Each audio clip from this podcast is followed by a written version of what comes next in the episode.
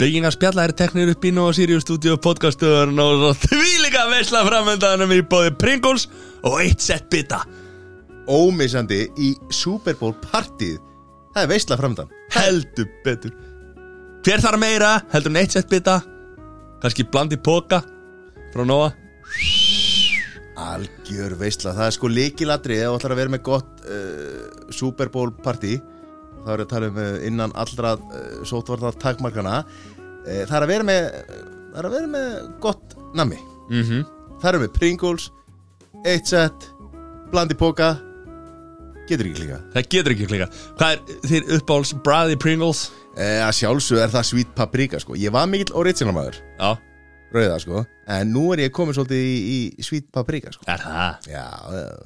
Ég er í hérna rækjakóktelinum en, en Símon þarf að rífa sig í gang þar. Hvað er hann að klika á því eða? Já, það er eitthvað alvöru vesen að vera að panta það inn en hérna, bleiki, já, bestur. France Já, en ég tek eh, paprika og sweet and sour er alltaf búið sko.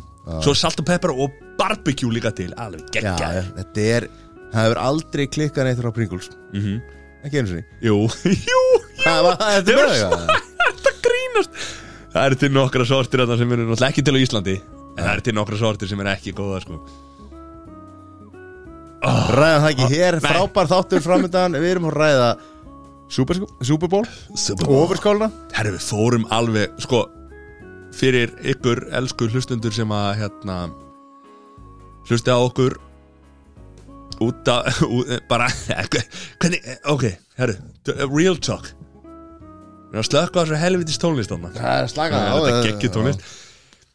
Real talk, við fórum mjög djúft, fórum djúft í NFL uh, það er ekki allir sem að nennar hlusta alveg í gegn en ég skal lofa ykkur því að það er þessi verði fórum að þarna, já. eftir, eftir tvo og hálfan tíma. Rættu mjög með slett Fór svolítið í pólitíkina fórum við pólitíkina. En hérna, já já, við fórum bara djúft Þetta er veistla fyrir eirað mm -hmm, Segi og skrifa. Mm -hmm. geggjaða sopnið eins og þetta en kláraði hann í gegn. Gjörðu þið svo vel.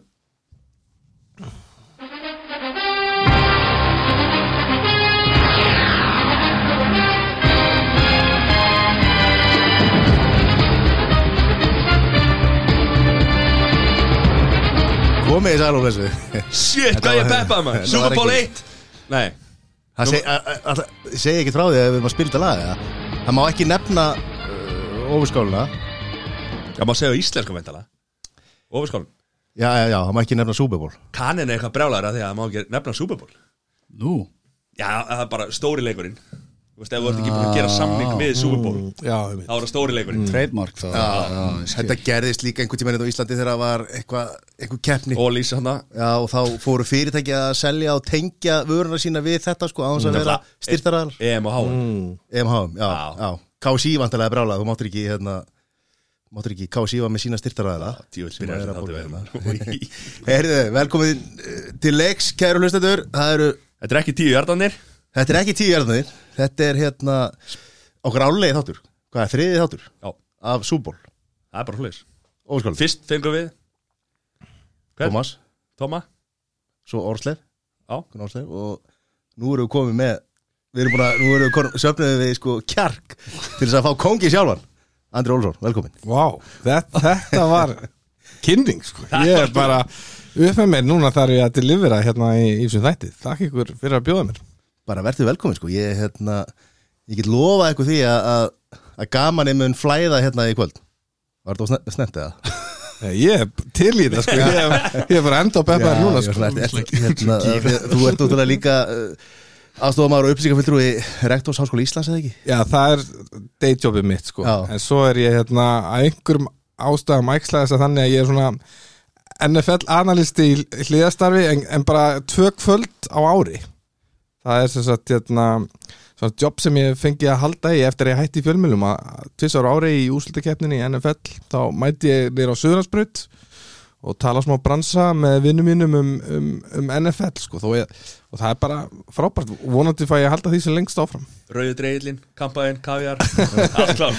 Þú hefur greinlega ekki oft komið á Suðurlandsbreytina en það er ekki alveg þannig. Það er, reyndar við fáum okkur stundum bjór og vangi og hérna í útsendingu, ég veit ekki hvort að glokkir áraðu tók eftir því í síðust útsendingu sem við vorum með. Þá hafði gerðist eitthvað í leiknum þannig að við þurfum að koma svona með skömmum fyrirvara aftur í settið, við erum hann að ég Henry Birgir og Eirikur Stefán. Og vorum hann að baksins að geta vangin hans Justin Sjás Just winging it. Just winging it einhverja mjög góða einhverja Wu-Tang hérna vangi einhverja sko. Henry var með því líka barbecue. Hérna klessu hérna á kinnunum sko. Já, það var segjum sko að það var ekki farið í eitthvað close-up þá sko en jú, hana, það er ekki kampaðin og kaviar en það er stundum bjóra vangir sem er bara betra. Já, þetta er, þetta er football. Og svo náttúrulega hérna Biggi Já, ég- Er ég bara byggið það? Þór á. Björnsson. Uh, Þú ert fulltrúi tíu hjartana hér uh, sem er hlaðastáttur um uh, NFL fótbolta. Já, Velkomin. Takk fyrir það, takk fyrir það. Anna var í rauður sem ég kem, Já, Já. draumur. Þetta er líka bara og kemur 100% næsta ári líka. Er það að hefðu það? Já, sjálfsög Yes. Það er bara, við, Andri verður væntalega að koma inn aftur Já, við hærra hærra. hægt að fara hærra þar. Ekki nema hann að þessi TB hann 12 sem er að fara að hætta væntalega næsta ári Komið bara í Kemur ljós Nei, hann hættir ekki. Kemur ljós Æ, Hvað sé, hvernig, hvað, af hverju byrjuðu að horfa á NFL? Hvað hérna, við byrjum á þér Andri Sko, já, mín saga með NFL, hún sko byrjaði þannig að það var einu sinni, hann ekki, sko, það var einu svona fjölvarpinu mínu hérna, stöð sem er ekki lengur til eða allavega ekki lengur á fjölvarpinu mínu sem hérna, hétt ESPN America, munið eftir því mm. og nú er ég mikill, sko peppa í besta sæti hvert ég fer, sko, stöðu sport, sko til the day I die, sko, en það hefur sjaldan verið jafn þjættur pakki af geggjuðu stöffi í- eins og á ESPN Amerika. Það var eitthvað svona veist, það var einhver ESPN stöð sem var bara á einhverjum evrósku markaði og það var svo ótrúlega mikið af góðu efnið það var bara bandarsku fótbolti, NFL, það var háskólafótboltin uh, það var veist, hockey líka hockey og baseball og ég var farin að horfa lacrosse þarna og allan fjandan sko og ég, og ég bara einhvern veginn var algjörlega ástofngin af öll, bara öllum bandariskum íþróttum sem ég komst í þarna og, og það svona vattilega upp á sig og svona svipum tíma var hérna Twitter svolítið að byrja svona þetta er alveg bara Mm. 2009 Mm. bara svona early Twitter og það sem voru bara veit, 15 gæjar á Twitter eitthvað veist, á vampýruvaktinni að horfa á einhverja NFL-leiki og bara tala, veist, alltaf með veist, íþrótta Twitter eitthvað bara wow, eitthvað, geggja touchdown eitthvað, og svo fjöxtu like á öllum sem voru á Twitter og eitthvað svona. Og, og Bara þá sem við kynntist Donald Trump? Já, þetta var, þetta var sko, ég meina íþrótt og Twitter er alltaf er alltaf svona mjög stór hluti af íslenska Twitternum en íþrótt og Twitter var líka eiginlega fyrst í Twitterin sko. það voru bara svona hardcore íþróttanöttarar og svo veist, tveir þrjir forritarar eða eitthvað sko. Það hefur verið talað um þetta að, hérna, að einmitt, þetta er íþrótta Twitter Já, og svo er þetta sem að hérna, Góða fólki já, ég sé fólki og, og margir sniðu og, og margir eigra sér að fara hann inn. Var þetta ekki, ekki á gróft?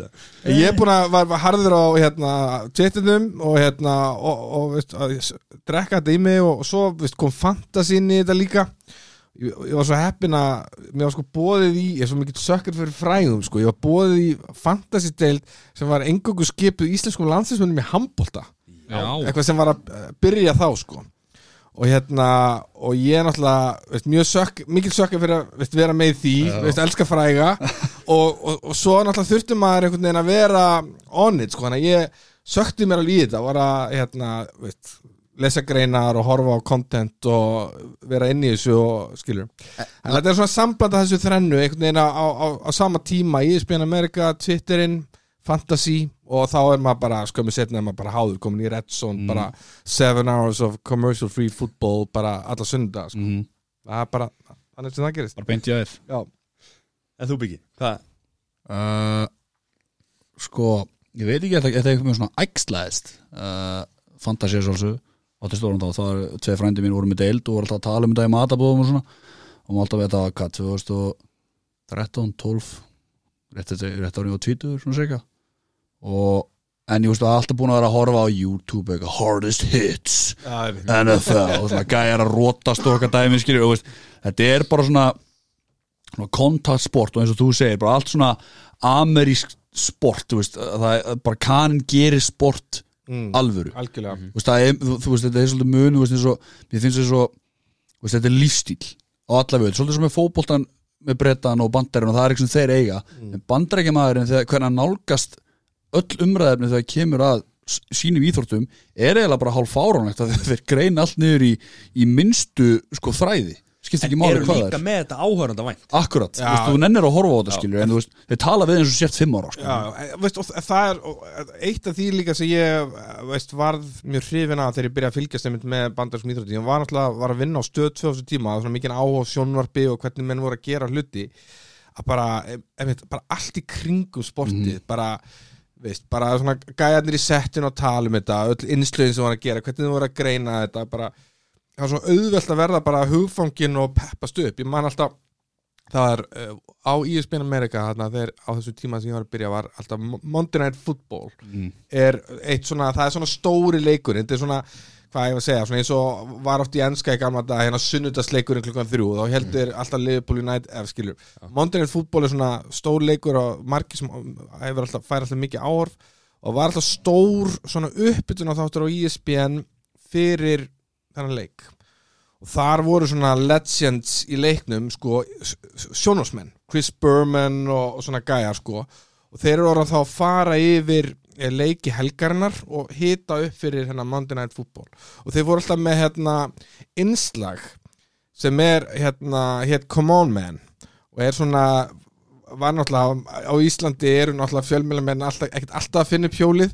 Við getum fundið íslenskar fyrirmyndir eins og fannar skammar. Já. veistu þekki það einu körubóltakvöldinu fyrirmyndin er náttúrulega come on man innslæð og, og, og þeir náttúrulega stálu sér líka hérna í NBA þættunum hans er sjakk og þeir eru alltaf það er sem með hérna sjakk er alltaf að finna eitthvað gæði sem gert eitthvað dæmi sko. En, en þetta þetta á ég, þessum Monday Night Football þætti var alltaf come on man og það var svo gæði sem voru að keppa sér að segja come on man á jafn svona eins yktan yktan svona amerískan hátt og hætti er Ég- ég ég veit heyri- ekki hvað þið er að hlaða í, í eitt svona come on man núna en sko- skiljið hvað þið er að fara. Ég heyri bara, ég heyri bara Henry Birgir í, í setni bylgunni Já. Koma maður. Þetta er að, þetta er alltaf og, e- veist, og, og alls konar svona hlutir veist, bara kaninn bara gerir ógislega gott sjónvar hann kann einhvern veginn að pakka þessu inn bæði fyrir þá sem uh, vita ekkert um sportið og er að koma ferskir en, en líka, veist, fyrir alla hinna veist, ég er bara, þannig að það, veist, það var ekkert bara sportið, heldur bara svona allt í kringu það sem svona drómi svona rosalinn og ég meina ég talaði með hérna Red Zone og Seven Hours of Commercial Free Football. Ég meina þegar ég sá Red Zone fyrst, ég veit ekki hvort að áhörundur hlustundur hérna gera sér grein fyrir því en þá ertu, veist, ertu með þetta svona Game Pass út með áskrift en í staðan fyrir að vera að horfa einhvern eitt leik þá bara einhvern veginn svitsar útsendingin á svona ljóshraða á milli leikja bara eftir því hvar aksjónið er. Og að innbyrða sjö klukkutíma þar sem þú ert einhvern veginn að horfa svona eins og highlights nema það er í beinni útsendingu. Það er hérna veist, það fyrir mér sem er algjör íþróttar nöttari algjörlega var þá nýleið til þess að innbyrða sport í beinni útsendingu og mér fannst að gjössana styrla Þetta er reyndar svolítið eins og Rúf gerði í gamla daga með handbóltan þegar það var hérna það var einhver á hverju mennsta leik Mm. og svo voru þeir að skipta yfir út um allt land alltaf bara í útvarpinu sko, og Já, alltaf já, að skipta já, já, í útvarpinu, Já. akkurat, voru, að skipta yfir sko. Og svona, og, og, og voru með gæ alltaf á vellinum sko, sem ringdi inn og svona. En ég, mér fannst, og við vorum það var mjög margt sem kom upp úr þessu sko, það eru margir dasgrágerðamenn og svona í íslenskum fjölmjölum sem ha- ha- hafa voruð fyrir á, árum að þessu. Ég meina við Tommy sem þið hafi verið með hérna og Henry og, og fleiri sem náttúrulega við, ná, eitt sem við gerðum um, á sportu, ég var að vinna á stöð 2 á þessum tíma, eitt sem við gerðum við vorum að ræða það á þessum tíma að koma með þetta format á, til Íslands, þetta Redson format í enska boltan þá var stötu sport með enska boltan og þá var það ennþá þannig að voru oft svona 4, 5, 6, 7 leikir í gangi á sama tíma. á lögatum klukkan þrjú og, og yfirleitt voru það léleileikir vegna þess að veist, Liverpool leikurinn, United leikurinn Arsenal leikurinn og Tottenham leikurinn voru alltaf teknir út í sviga. Þú veist, á lötu, veist, þeir voru haft klukkan 12, 5 og svo sunnudum Svo sitt í með Nei, svo voru, var þetta voru mikið svona veist, eitthvað, eins og segi, veist, Aston Villa, Sheffield og hugmyndin í okkur var þá að taka taka svona red zone á þetta. Svo gafst ekki tíma því það áta alls konar ástæðum en það sem við gerðum í staðin og það er svona hugmynd sem ég var að vinna með á þessum tíma og við prófum það í staðin í meistardildinni og það er bara meistardilda mörkin sem lifa ennþá og er, er fyrir, það er sumi sem sem finnst það góð leið til þess að horfa á Champions League og aðri nota það náttúrulega ekki og horfa bara leikina. En það er svona svipa format að, að því leita þú veist, ef United eða Liverpool er ekki að spila það er kannski Barcelona eitthvað skilur það er alveg alveg áhugavert. En er ég að fara að sitja veist, í 90 mínútur og horfa á tvöli sem ég held ekki með? Eða er ég að fara að horfa á svona basically svona highlights í bytni þannig að það er til dæmis komið upp úr þessu og, og svona ímislegt fleira sem við náttúrulega á Íslandi erum alltaf að stela frá útlöndum eðlilega. Það er enda líka eitt við Red Zone sko, út með hann sem er lýsandi í Scott Hansen. Uh, hann er holdgerfingur bandaríska áhorendars íkta NFL aðdóndan skilur hann er hann er einn ein myndalasta maður sem ég sé ekki alveg en hann er mjög myndalur Geggjaður. hann er rosa myndalur hérna. já, já, já, já, hann er með bara með kinnbein bara hann er hannaði fyrir þetta Já. hann er með íktasta talmóta sem til er hann er, hann segir hann sé í bleiu Já. og hann hefur eins einu sinni fara á klósetið í, hann er búin að vera hann er sko sjö tíma í útsendingu Já. straight sko. hann, er bara, hann er bara, þú sérð hann í sjö klukktíma sko. já. og stóð bara, þú veist, þetta er gæði sem er hannaði fyrir þetta og hann, veist, hann er bara með reynsluna veist, og, og ég hvet þá sem ætla að horfa á næsta ári og vilja komast inn í þetta bara stimplugrinu Redson, þið þurfi ekki eins og að hugsa. Þið sitja bara og horfið að þetta er mat og onnið sko. það er frábær, já, þetta er mjög góði punktur þetta er svona frábær svona gateway drug veist, inn í íþróttina. Þetta er svona ó, ótrúlega góð leið til þess að einhvern veginn að fá hann bara sprauta beint í æð. Og veist, ótrúlega skömmum tíma veist, ég hef aldrei gefið mér neitt út til að vera einhver sérfræðingur um NFL og að ég veist, veist ég stundum að tala um sportið í sjónvarpinu eða veist, kem hingað að tala um það veist, ég er bara ótrúlega gaman að þessu en er bara veist, regular fan skilur en hérna en þetta, þetta er ótrúlega svona góð leið fyrir fólk til þess að að uh, já, hvað ég segja, fá það bara svona beint í æð og, og, og, að, og þú einhvern veginn kemst strax mjög djúft í sportið Bara koma sér inn í Þú getur náttúrulega fengið leið á því að horfa á. Leik. Að því að fólk kvarta líka yfir því að það er svo mikið auðlýkingum, það er þetta með.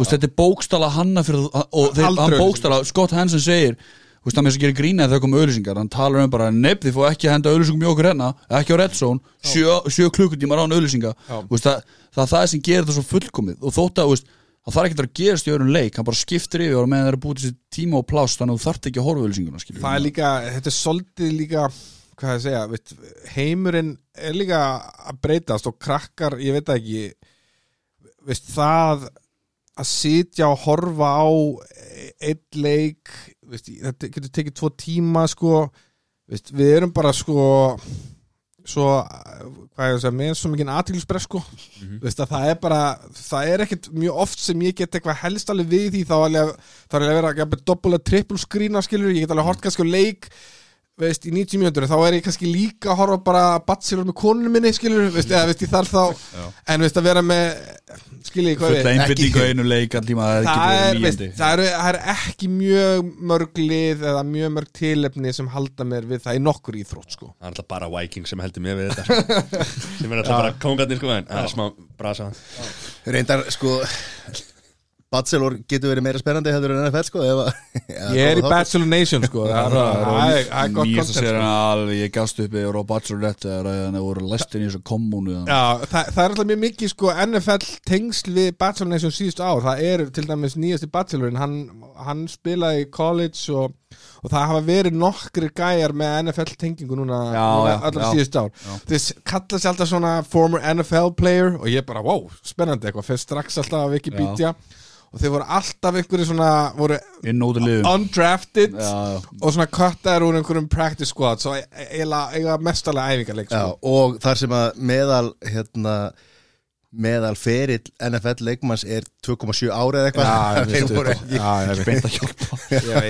þetta er alltaf svo ímyndið hvað NFL er erfitt sport að komast inn í. Með þetta er stærsta íþrótt í bandaríkjónum veist, skilur en það er sjónir bara 32 lið sem er hægt að spila fyrir ég menn ekki, ímyndið ykkur ef, ef þess vegna þess að band ef myndið taka bara veist, Ég í tók Ev- þess að tölfræðinu Já, ég við- fyrir, ef við myndum bara tala bara knarspilminna heima og í, Evrópu og þú myndum basically bara taka hérna Champions League liðin Mhm. og svo myndum bara henda öllum hinliðun og segja bara, nei, herru, þeir ekki til lengur og það er bara hægt að spila fyrir Champions League liðin þannig að ef þeir ekki nógu góðis að spila fyrir þá þá er basically, er það einhverjum bumbubolta Mm, Basically í einhverju sem enginn horfir og enginn tekur marka og ég meina það er alltaf einhver deildir í Kanada og við þýska, voru, skilur, en ég meina það er öllum sama sko. Það er ekki í sama kaliber Ég tók saman tölfræði Ég var að drullu eitt leikmann sem ég skildi ekki hvernig var í sér að deild og ég tók saman tölfræði sko, Mm.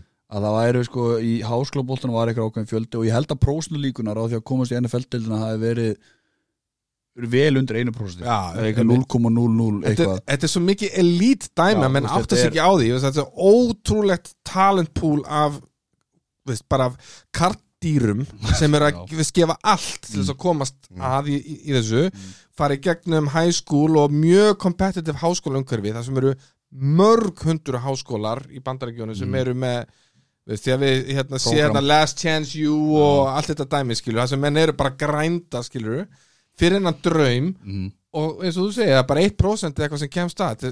Og, og tala um að vera quarterback. Mhm. Veist, hversu mikið elite dæmið þarf þetta að vera með? Það er öllum sem dreymir um að vera leikstjóndi í liði. Og, og allir þessi gæja sem talentpúlið af gæjum sem sitja á bekknum í NFL-leikjum einhverjum quarterbacks sem hafa ekki snert bolta í leik í mörg ár þetta eru gæja sem, skilur voru með öllum cheerleaders og unnu allar leikin í college og voru bara veist, mesta, mesta stjarnan sem hefur komið úr þeirra heimabæ kannski ever en Þeir voru í það er svona há, góðir. háskólegjaka, löppu og göngur í skólanum og íttu, íttu hinum upp að skápnum. Þetta er alveg það Þetta er ándjóks þetta er deilt full af þeim gurum sko, við alveg bara- En og svo líka 90% líkur að þú ert sko, ef þú kæðist inn í deildina átt einhvern smá fyrir, þá er 90% líkur að þú sér orðið gjaldrót á fimm árum eftir uh, fer, ferlinu líkur. Það er eitthvað, það er eitthvað hliðavingil sem við þurfum ekki að koma inn á En sko, Hvað akkur þarf lögfræðingur alltaf að vera með einhver leiðið því? en það var náttúrulega Donald Trump sem að skemmti samkeppnina. Já, Þarna 88-9 eða eitthvað þegar það var önnu deild. Já, já, akkurat. Og fór, að eitthvað, já, fór í eitthvað dómsmál og hann vildi, var að reyna að komast inn í, inn í NFL og hitt var US Það United States það var nokkar deildir Já. verið settar upp sko. Það Já. eina, það var einn í fyrir tveim árum eða fyrra, ég man ekki COVID ára bara enn í eitt sko. Það var eina The Alliance, eitthvað American League eða eitthvað, það var eitthvað 8-10 lið sem spiluðu, það var svona eins og basically B-deild mm.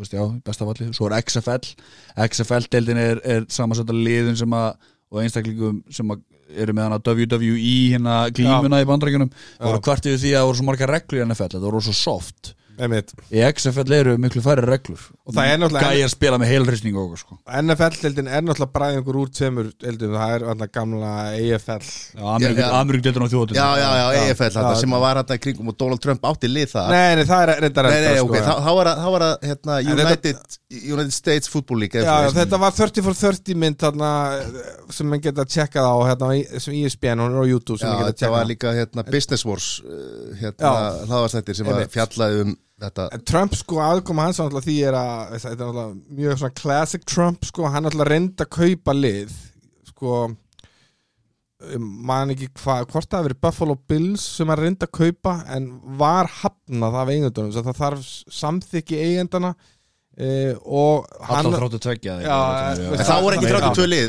Nei, það voru vættalega færri sko Já. en, en þetta var eitthvað svona dæmi mann ekki mjög nákvæmlega reyndi að eignast lið, gekk ekki var náttúrulega veist, uh, minnsta veist, minnsta ego ever skilur classic Trump sko þannig að hann það bara þurft ætlaði það að fara í samkeppni að náðum þannig. Og það er náttúrulega veist, reyndi það í ár og svo náttúrulega bara fjara þá út. Já, hann gerði það nákvæmlega eins og hann hefur hefðið sér alltaf tíð sko.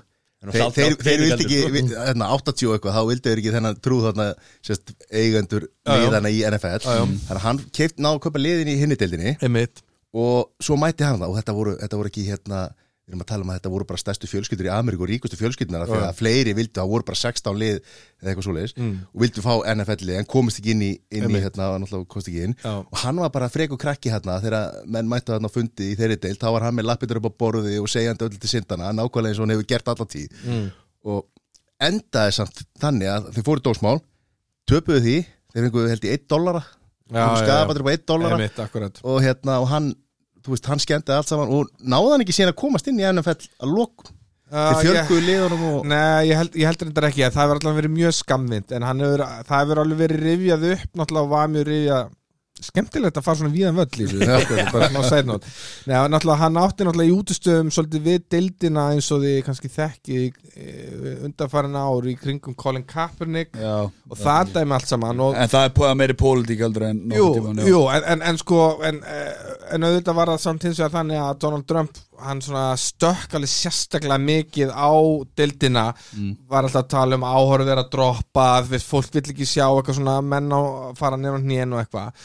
Og menn töluð mikið um það að hann væri mjög mikið líka að stinga hnýpnum út af því að hann að, veist, var Já. bitur út í þessa þennan klúb sem hafna honum á sínum tíma þannig að hann þótt ekkert mjög leiðilegt þegar deildinni blætti svolítið á þeim tíma þegar. Kaepernick var með vesen og let's face it hérna, veist, fanbase NFL-dildanir í bandarækjunum er ekkert eitthvað svona left-wing New York liberals. Þetta Nei, er svolítið mikið bara hérna, Tennessee og, og Buffalo og Borð og er ekki, er ekki kraft og, og hérna breyti Jó, þetta eru Trumpar sko, já, já, grjótari Það er ekki þeir einu sko. Nei, nei, þannig að veist, veist, þannig að þetta var já, þetta, veist, já, það er bara svona. Lilla pólitíki sem við fórum í hérna. Ef við hérna, af því að þið voru að tala um Red Zone og hversu svona, það, það geti verið eitthvað gateway drug inn í íþróttina. Mm. nú eru samt rosalega mikið að reglum og það er meira að segja þannig að það er fullt af reglum sem að fólk sem að, sko, er alveg upp í bandaríkjörum og horfir á, horfir á það það er samt alveg fullt af reglum sem þau veit ekki eins og um. Nei, ég meina, hefur þú séð var nýlega eða, veist, þetta er ekki, getur útskipt fyrir mér bolta og bolt í eða? Nei, reyndar- Veist ekki. og, og munur reyndar líka sá með, svo ég fæði að grípa þetta líka því að þetta er líka eitthvað sem ég finn ekki þreyttari umræðu heldur en það er eitthvað þessi fólk Ég að spurja fyrir dómarinn bókstaflega fer, kveikir á mæk Já, uh, unsportsmanlike contact nummer 67 og bendur í áttina þeim og, og segir hvað sem ekki vítið er Þú veist, þá getur googlað unsportsmanlike contact NFL, þá er komið regluna skilur. En það eru líka sko, það eru einhverja reglur sem eru ekki dregnar upp mjög oft. Næ, það er það er sem, að, já, já, sem að er eiginlega bara til í bókunum, reglubókunum en þeim, þeim er ekkert beitt já, sko. er þetta svona eitthvað, svona eitthvað legal take á hérna Nei, sko, akkur er verið með er bara að reyna Þú er- en, en, en, í, en í grunninn þú þetta, er, þetta er alveg klárlega eitthvað sem heyrist oft uh, hjá fólki sem hefur ekki fylgst mjög mikið með sportinu en, en það er alveg klár, ég get lofað það að hvorki ég veist, nýja byggi nýja hérna, allur almenningur í bandarækjum er einhverju rocket scientist sko. þetta er vinstasta íþjóðin í bandarækjunum veist, treystu mér, reglum það get ekki verið það flóknar sko. það- þetta er, þetta er er ekki að heimfæra þetta sko, þetta er reyndar þannig sport að það eru tvö lið sem að keppa og, og breyti í vinnu sko. Svona, Já, það er já. svo eftir Já, já, 22 já, metri já, já, og já. Þýskaland vinnu Við förum að þessi Ákveðin Já, ákveðin. já. En náttúrulega, ég meina fólk það bara aðeins að kynna Þetta er ekki flóki sko. Já, líka, ég meni, en, en ég heyri lífið, þetta er svo góða punktu sem þú komst með byggjum hérna, veist, að hvernig domgjörslega er útskýr, ég meni, ég er, sko, ég elska allar íþróttir, veist, ég er bara svona gæði sem, veist, ef það eru ólimpileikar, ég er bara komin í curling og skíðaskottsum og allt saman, veist, innbyrti svo mikið handbólta núna í, í janúar, geggja, gott móti í Egiptalandi, en ætlar einhverjum að útskýra fyrir mig domgjörslu í handbólta, þreytast í heimi veist, ég meina, veist, talandi um enga reglum það er bara eftir Það er- hver- eftir hver danskaða fyrir um teknarskap Það er alltaf, það er hérna veist, Dómgæsla er, hún er sérstaklega skemmtilegt umræðin svona almennt í íþróttum en hún er langt frá að vera eitthvað fló, flókin eða reglurnar eitthvað. Þetta, er- meira svo mjög, einfalt í Já. NFL Vitið hvað er margir dómarar á vellinum?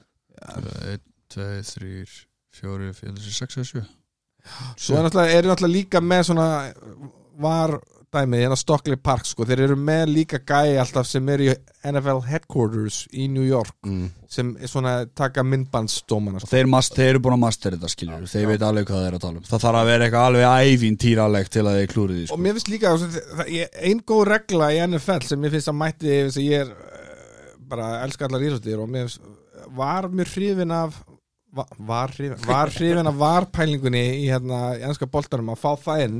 Ég hef alveg séð það bara í NFL hvernig myndbandsdómgjösla hjálpar leik. Ég menna myndbandsdómgjösla í NFL er yfirleitt mjög góð. Mm.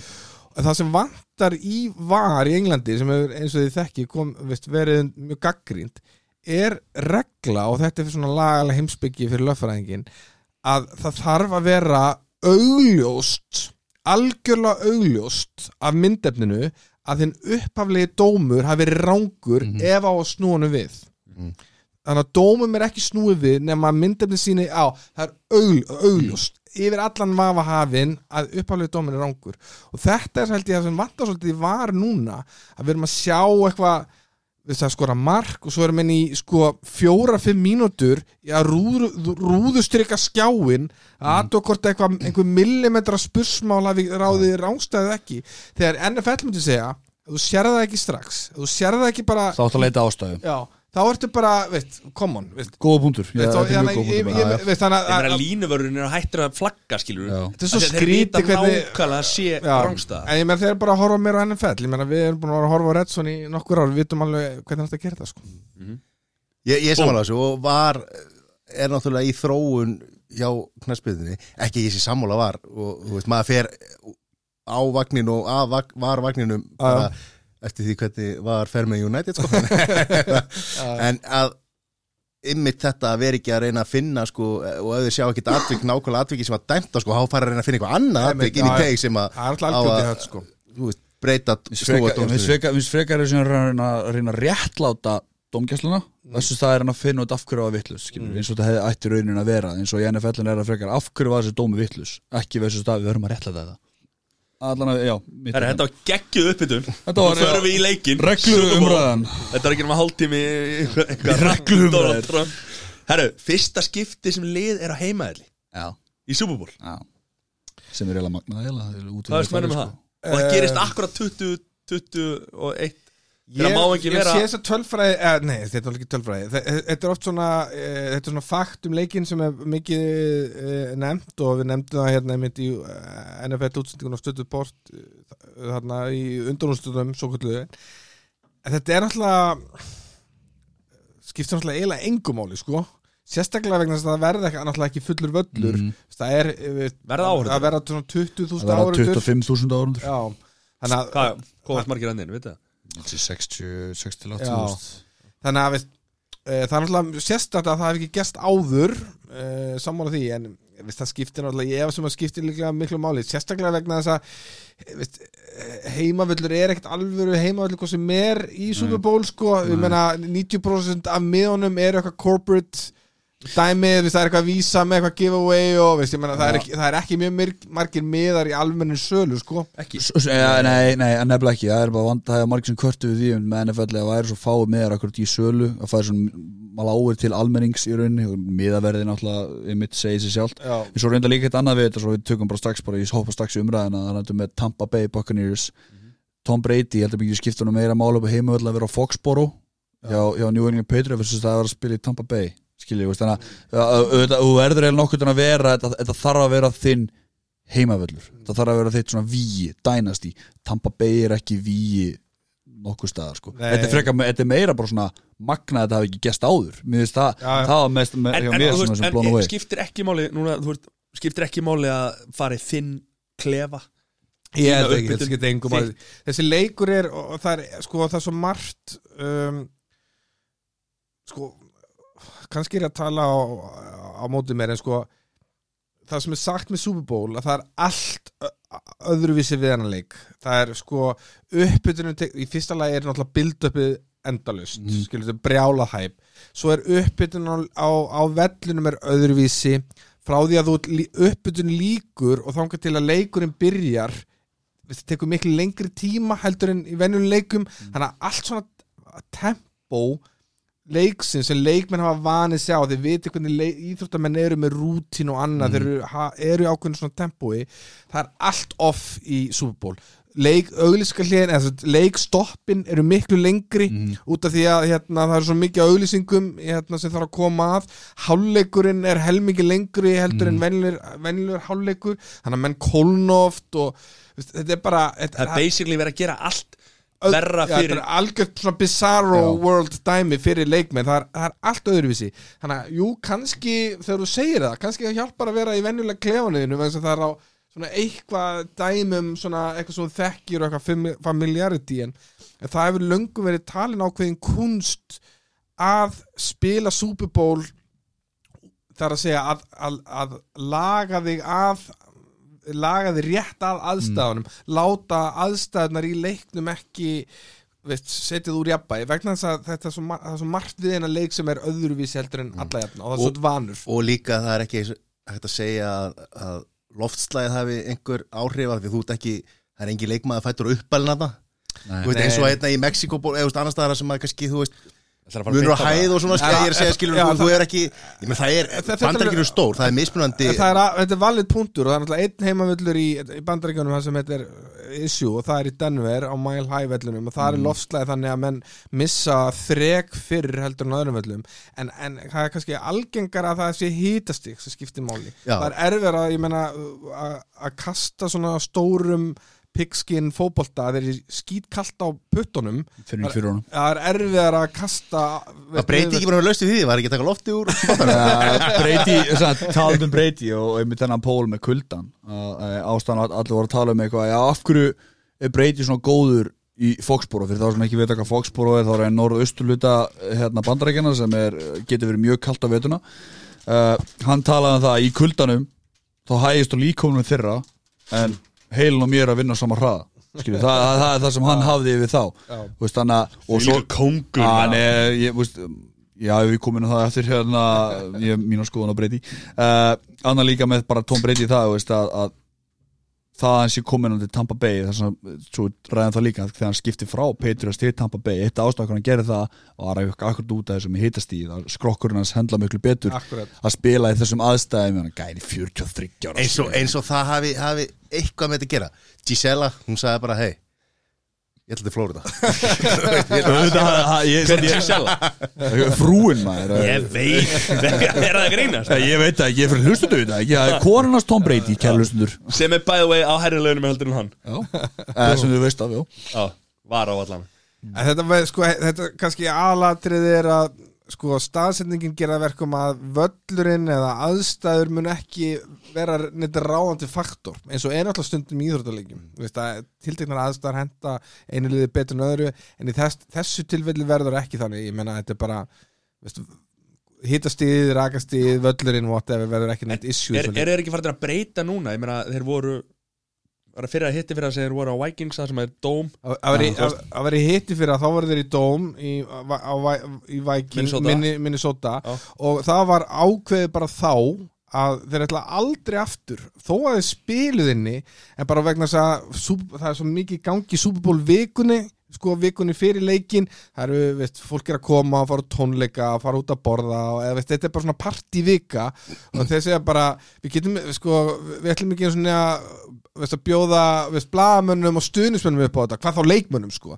Þannig að það, það, ver, það mun ekki gerast að vera í svona miklu kulda. Já, já, já, það er bara skýt kallt í Minnesota í janúar, er fyrir það að vera með þú veist, Já, hvað- enda myndu ekki sjá Super Bowl í Green Bay þeir vilja ekki, sjá þegar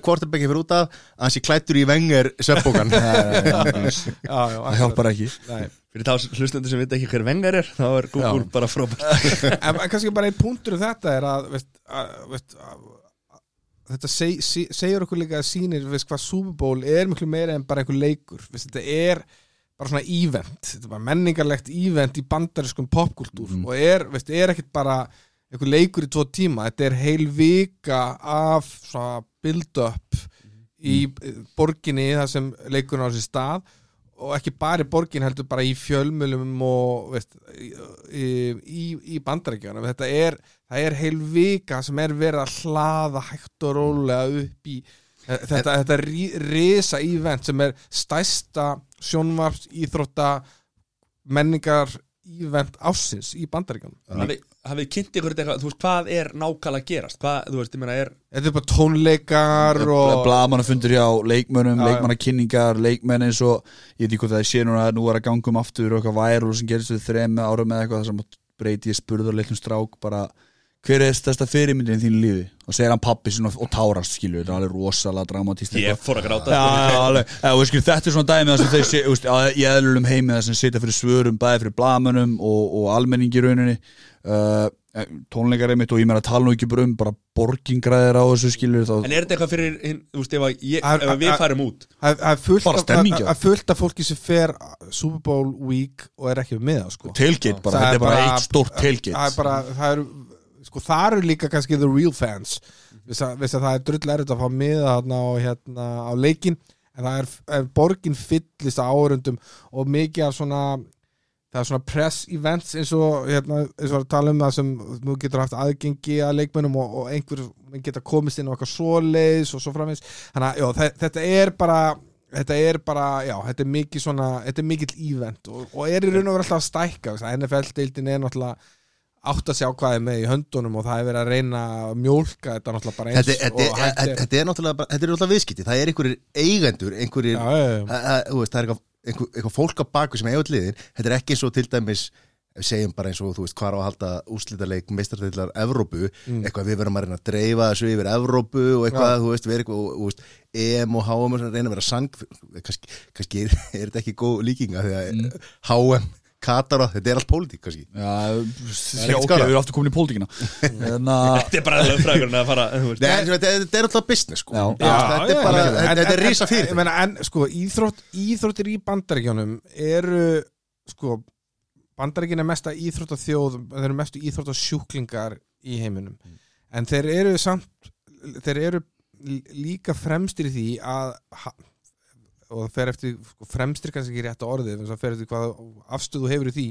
En þeir eru komni lengst í því að, að, að og, og voru fyrstir og eru komni lengst í að gera íþróttir að einmitt uh, söluvöru að, hérna, að business og, og ekki bara á vellinum heldur utan vallar. Og allt það sem við erum að sjá í um, enska boltanum eða, eða öðrum íþróttum kannski, kannski sérstaklega fótboltanum. Við sjáum svona hugmyndur um að það er verið að tala um eitthvað svona Super League í Evrópu að jafnvel að Liverpool og Manchester United jafnvel segi sig reynilega bara úr FA og keppi bara á Evrópubasis.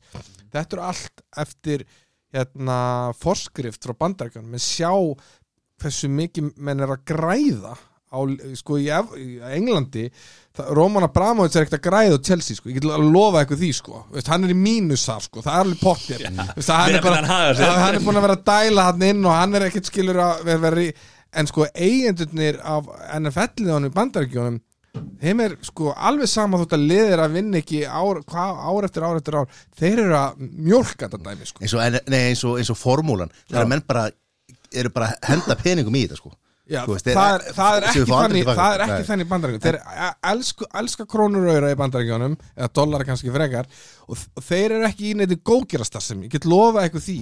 Þeir eru í þessu að græða peninga og, og það er nummer 1, 2 og 3 sko. Og svo er, snýst þetta að mestu leiti um hvað kann er góður í, í, í tára runginu sko. Já, já dýrtjörginu sko, bara með herin og, og allt saman en, og, en, en, en það er samt sem líka sko, ok, fyrir okkur sem íslendingar sem gerir svo súrali skilju, það er uh, hafið þið farið á leiki bara hvort sem sé í bandarækjum hvort sem sé hockey, hafnabolti eða eitthvað þannig hafið þið Já, farið ég já. farið bæði á NFL og, og baseball. Já, einmitt, ég hef einmitt ótrúlega hef ég ekki farið NFL leiki, ég hef samt farið á tvo hafnaboltaleiki og tvo ísokkileiki en í húi, ég var að vinna á áver, þægilegt. Hérna, kaninn gjössamlega elskar allt þetta prídæmi skilju Sem að loka barnum í háluleik á NFL Þetta er gott að ekki verið mata Já, Þetta er það gott er- að ekki verið mata að segja söguna þegar hann fór sömu helgina Nei, á, á hérna Það er ekki að ræða það hérna. Hann fór á NBA, NFL, UFC og hvað meira. Allt, væntalega Celine Dion tónleika og allt saman, bara sömu helgina sko. Já, en sko punktur líka bara sá þú veist, að, að, þú veist eins og, ok, þú ert komin með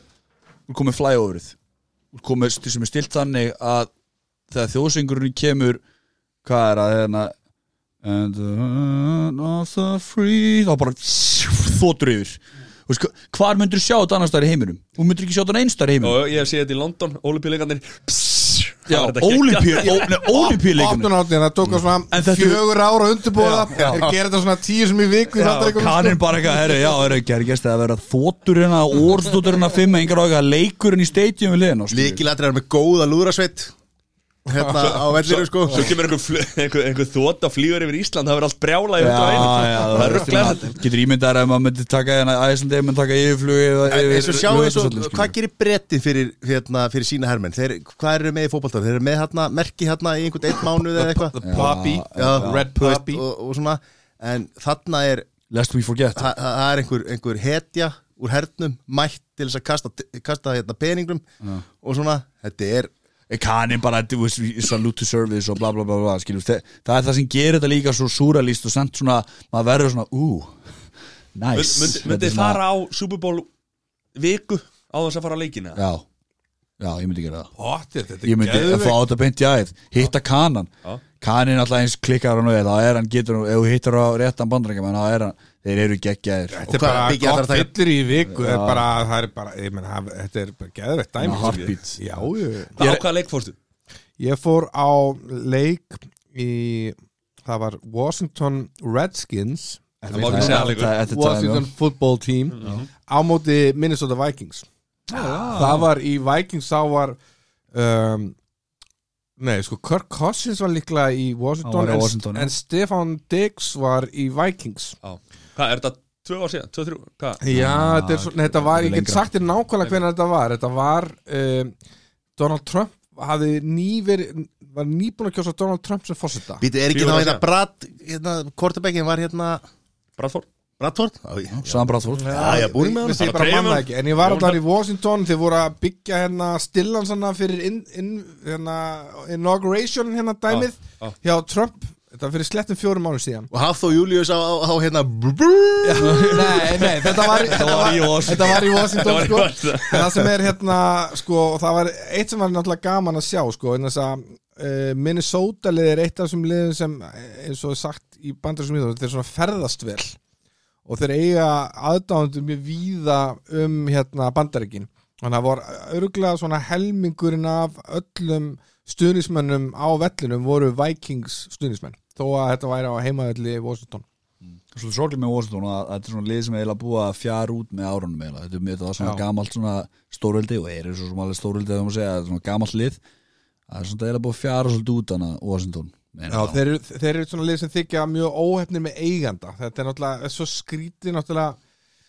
og við erum náttúrulega þess kynnast þessu betur og betur kannski í evrósku íþróttunum en, en eigendur oft í bandarskum íþróttum skipta sér bara miklu meira að heldur en við eigum kannski að venjast ég meina, taka stóra ákvarðanar já, oft það er að taka stórar og afgerandi ákveðnir og eru jafnvel bara inn í herbygginu þegar vera að drafta leikmenn eða þegar vera að gera stóra svona samninga sem er að skipta svo leikmennum og draft picks og allt þetta. Í nýlega valin og þess að sko. Já, veist, og, ma- og það er bara en og- og hún, Washington liðið þykir einstaklega óheppið með, með eiganda þar, Dan Snyder heitir hann og hann er vist algjör douche. Það er, það, það er En líka, svo- þú veist, hversu vandræðilt er það? Nú hefur maður hort á nokkra súbubóla Þegar að þjálfarinn og, og, og besti leikmann er búin að fá byggarinn og þeir rétta eigandanum sem er yfirleitt sko. Nei, er ekki eigandi sem tekur við eldgaman Jú, sko. jú, jú, það er það er eigandi sem tekur við honum. Já, Já. það er það er hann sem tekur við þetta er einn stór rung er it's my 32 money. It's my money, sko. En er það ekki líka ástæða fyrir því, ég meina, er hann ekki vinsæll uh, eigandinn af Dallas Cowboys. Er Dallas Cowboys ekki ennþá stærsta íþróttalið Jerry? Jones. Biljón dollara merki. á einhverjum svona listum er okkur einasta ári sér maður eitthvað svona lista yfir verðmættustu vörumerkin, verðmættustu íþjóttufélagin veist, og jú, Dallas Cowboys er oftar en ekki þarna efst eða ofalega sko. Og það er náttúrulega vegna þess að Dallas Cowboys er svona eins og kannski Manchester United þeir voru ógislega góðir á til dæmis tímabili, veist, 80s og áttu síðan reyndar tímabili þetta fyrir líka og þannig að þeir eiga stuðnismenn svo víða um bandaríkin. Uh, það, það er ekki bundið við Dallas þetta er það sem er kallað Am- America's Team. Ég meina sko LeBron James til að mynda sem veist, strákur sem elst upp í Cleveland í Ohio, nei hann elst ekki Akron fyrir ekki, Akron, Ohio. Veist, hann er Dallas Cowboys maður sko. Af, af hverju er hann ekki Cleveland Browns maður eða, eða whatever maður eða eitthvað? eh, það er mjög típist uh, í- fyrir Dallas Cowboys að þeir eiga sér stuðnismenn skilur, víðsvegar að og það er þeir eru svo púlarar. Já. þeir eru er- út um allt. Það er samt gamalt ég meina, Æ, maður. hve- Hvenær hérna Hvenær var Dallas Cowboys síðast í sko? Já, bara í, í bara finals? Voru umræðu hæfir svona að segja. Uh, ég er bara ekki með á reyni þegar að googla Þetta eru bara eins og lýtsarar þeir voru, þeir voru besta liði late 80s, early 90s þá voru þeir þá voru þeir með svona legendary leikmenn Hvað spilaði Bradsjó? Í hvað lifa Bradsjó? Pittsburgh Steelers Var hann í Steelers? hann var quar- quarterback í, í Steelers Jerry Jones var ennþá hann, var, var svona detta á ellilífursaldu þegar þeir fóru síðast í súból ég svolítið svarið það Er eiga Glaciers ennþá hérna Buccaneers já, Já. Þannig að Glacier fjölskyldan United fjölskyldan er að fara að taka við byggandi með Gleisi tökum við Já, byggjum já, bara Það gamli, staðfest. gamli maðurinn Er hann, eða, hann er í dáin, eða ekki? Er hann dáin eða? Er ekki? Það tekur alltaf einhver gleysir eftir titli. Ég get lofa því að það er enginn aðeins með hár þó að sé allir með sko. Það er gali sko. Það er rosalegt aðrið Herru, hvað hérna Ok, tölum við þessu Super Bowl hérna. Hvort liðið átti auðveldari leið í Super Bowl? Byggi, þú byrjar. Ég myndi eiginlega segja Chiefs af því að það er meira svona complete lið svona í Það veist, Málið með bara með það þú veist, fyrir tímbil og þú eftir að segja benda á þarna eitt lið sem var að fara líklegast allarleið það myndir alltaf segja Kansas City Chiefs veist, þeir eru alltaf ríkita meistarar Mhm. eru með Patrick Mahomes leikstundur sem er bara segja, í grunninn uh, framtíðar gate. Eða þá maður ekki að segja það en Já, kýling, kýlingur nákvæmlega, og, og veist, eru með öll optistar, eru með Andy Reid sem er glæstasti þjálfarinn í dag sem að, já, og eru, og voru bara hannaðir to win now skilur, eins og í fyrra. Og nánast óbreytt lið frá því í fyrra. Að hins vegar er erfitt að átt að sjá hver anstæðingur myndi vera, því að anstæðingur sem við myndum mæta þau þurft að fara ekki ennum fullt hraðahendurinn áður og, Ei, og Það var að segja meira að þú veist hvort þetta á auðveldari leið Kansas að City Chiefs. komast í já, já, bara bú, á, já, á þessum tegum Kansas City Chiefs. Já, bara þess að búið til content sko, þá skal ég segja bara jú, ég, fíla það skilur Nei, nei, en veist, en einn ein punktur þar er kannski að hérna veist, uh, Kansas City í, í síðasta leiknum á regular season, þá bara kvílduði leikmenn sko. þá voru þið búin að vinna alla leiki tímabissins nema einn og þið töpuðu síðasta leiknum en það var bara veist, að Patrick Mahomes spilaði ekki og annað hver leikmaður hefur bara hittað sig upp sko. uh, Brady og félaga tryggðu sig inn í playoffs í síðasta leik mm. tímabissins og þurfti að fara í svo kallar wildcard leik erfiðar að leiða Já, þessu þannig að þeir hafa alltaf að einhver liti farið erfiðari leið í úrslutakeppninni að leiknum þess að þeir eru underdogs að- það er alltaf fárt að tala um Tom Brady og lið með öll þau vopn sem þeir eru með sem einhver underdogs og ég er alltaf kannski ekki að gera það en þeir, þeir, þeir, þeir klíndu sér inn í wildcard leikin á síðustu stundu. Þeir spiluðu alla leikina sína í úrslutakeppninni á útivelli sem er síðan fyndið þess að fá þeir síðan súbúleikin á heimavelli. Þannig að einhver liti má segja að hérna að þeir hafi fengið erfiðari leið. Og svo má veist, verður líka segjast að í svona conference championship leiknum og ég veist, til styttingar þá tala ég oft stundum um undanúrslitin sko. Það er bara besta lýsing þannig séu á íslensku máli sko. þá, hérna, þá var hérna, Brady þurft að fara í gegnum og Bucks þurft að fara í gegnum Aaron Rodgers sko. það er hérna á Lambo Field. veist, á Lambo í kuldanum. Veist, það er Aaron Rodgers að eiga eitt besta tímabil leikstjórnanda í sögu deildarinnar. Þannig að veist, Brady er bara og, og er búin að draga þetta bökslið og, og búin að gera svolítið svona um, er að gera menn úr drengjum skilur, hann er að láta menn svona hvað ég segja, þeir þurfa að uh, vaksa úr grasi svolítið hratt. Það er, það er fullt að gæmi sem bökslið sem eru svona góður á pappír og búin að fá vel borgað og eru flottar á Instagram og eiga flottar bíl og kæður en Brady er, hefur alltaf hann hefur aldrei snúist úr það hann er alltaf bara snúist úr það að deliver á vellinum Mm. og hann er að taka gæja með sér og, svolítið að, að kenna, kenna þeim það þannig að það, það er alveg ótrúlega gaman að fylgjast með þessu bökslið og hvernig það er að ferða þetta er búið að vera þetta lið búið að vera sko, eitt mesta joke deildarinnar í svo Ertu- 20 ár sko. Ertu patsar eða? Nei, ég er sko Það er, er sko- mikilvæg punktur á en ég held áfram Ég, ég er svolítið svona ég er svolítið svona bara svona barn- red zone tímabilsins ég, ég held bara með þeim sem ég á svona hagsmann að geta í fantasy. Algjörlega, já, hérna En þú segir, sko, áður og þú byrjaði, ég ætla að segja, sko, þú veist Breyti þarf ekki að vera flottur á Instagram, sko. Þegar þegar Gisella er heima, sko Hann er ekki að reyna, þú veist. Það er annars skilt sem hún lefnum Gisela í sinni Hann er, hann er, hann er grínandi, hann er bara búin að vera með bónir bara frá því við vissum Nei, að en, en hann er líka með þannig hann er með þannig rep í sér deild að það er alveg sama hvað það er virðingin sem hann fær Algjörlega. frá öllum leikmennum deildarinn sama hvað aldrei þeir er, sama hvað bakgrunn þeir hafa. Að sjá oft sko svona bakgrunnsmyndefni eða hvernig þeir tala um hann ég meina þetta er svolítið ég, sko þú talar um svona future goat svona goat versus future goat. Tony Romo hérna, fyrirvændi leiksjónandi Dallas Cowboys sem er núna sjónarsmaður á CBS hann talaði um þetta væri nánast það næsta sem við kæmst í að sjá Michael Jordan og LeBron Já, takast á í leik sem er svolítið góð samlíking Mhm. mm -hmm. LeBron var svona sá sem kom skiluru í kjölfarið á hérna, Jordan og, og, og svo næst er Nýtt er raunni og akkurat, nýtt andlit Náðum þessu deildarinnar. næstu því með Jordan og Kobe sko. Svona- Já, en, en, ég meina, en, en, en þeir einhvern veginn tó, tókust aldrei á í úrslitaserju, Nei, nei. skilur þetta eru sko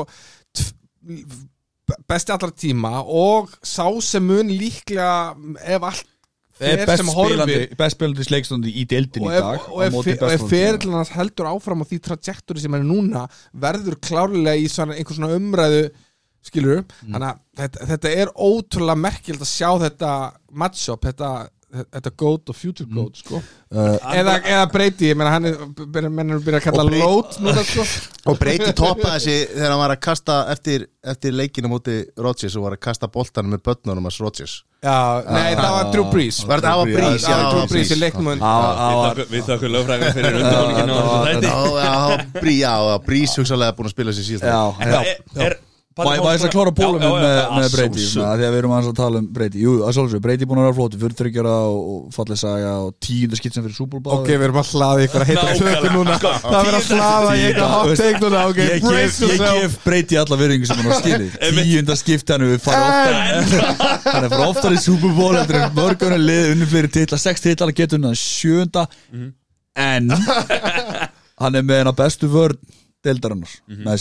Er uh, Hann er Til með liðs í drót að, þetta er- Já, já, svo það finnst til leikmenn Hann er með Hvað sé ég, hann er með, já, hann er með besta útherja teimi deildarinnar í, í Chris Godwin, Já, Mike rétt, Evans og Tony. O'Brown. Saman því. Og það eru eftir koma tvei gæði sem þetta Scotty Miller og, og Chad Johnson. Þannig er komin aðeins dýbra í, í, í eldur en ég Það er fullt af vopnum. fullt af vopnum hana svo í þokkabót er hann með eina bestu sóknarlínu deildarinn á, á baka sig. Þannig að kemur okkur punktur með það Tom Brady var alveg búin að plana þetta hvert hann var að fara þegar hann var að velja sko. hann vildi Já, vinna já, sjöndar í eðlilega, hann, vildi, hann, er, hann er bara er hann að tryggja sig að hann verði bestur allra tíma alltaf. Mm. hvaða leikstund er að fara að vinna sjö ringa mm.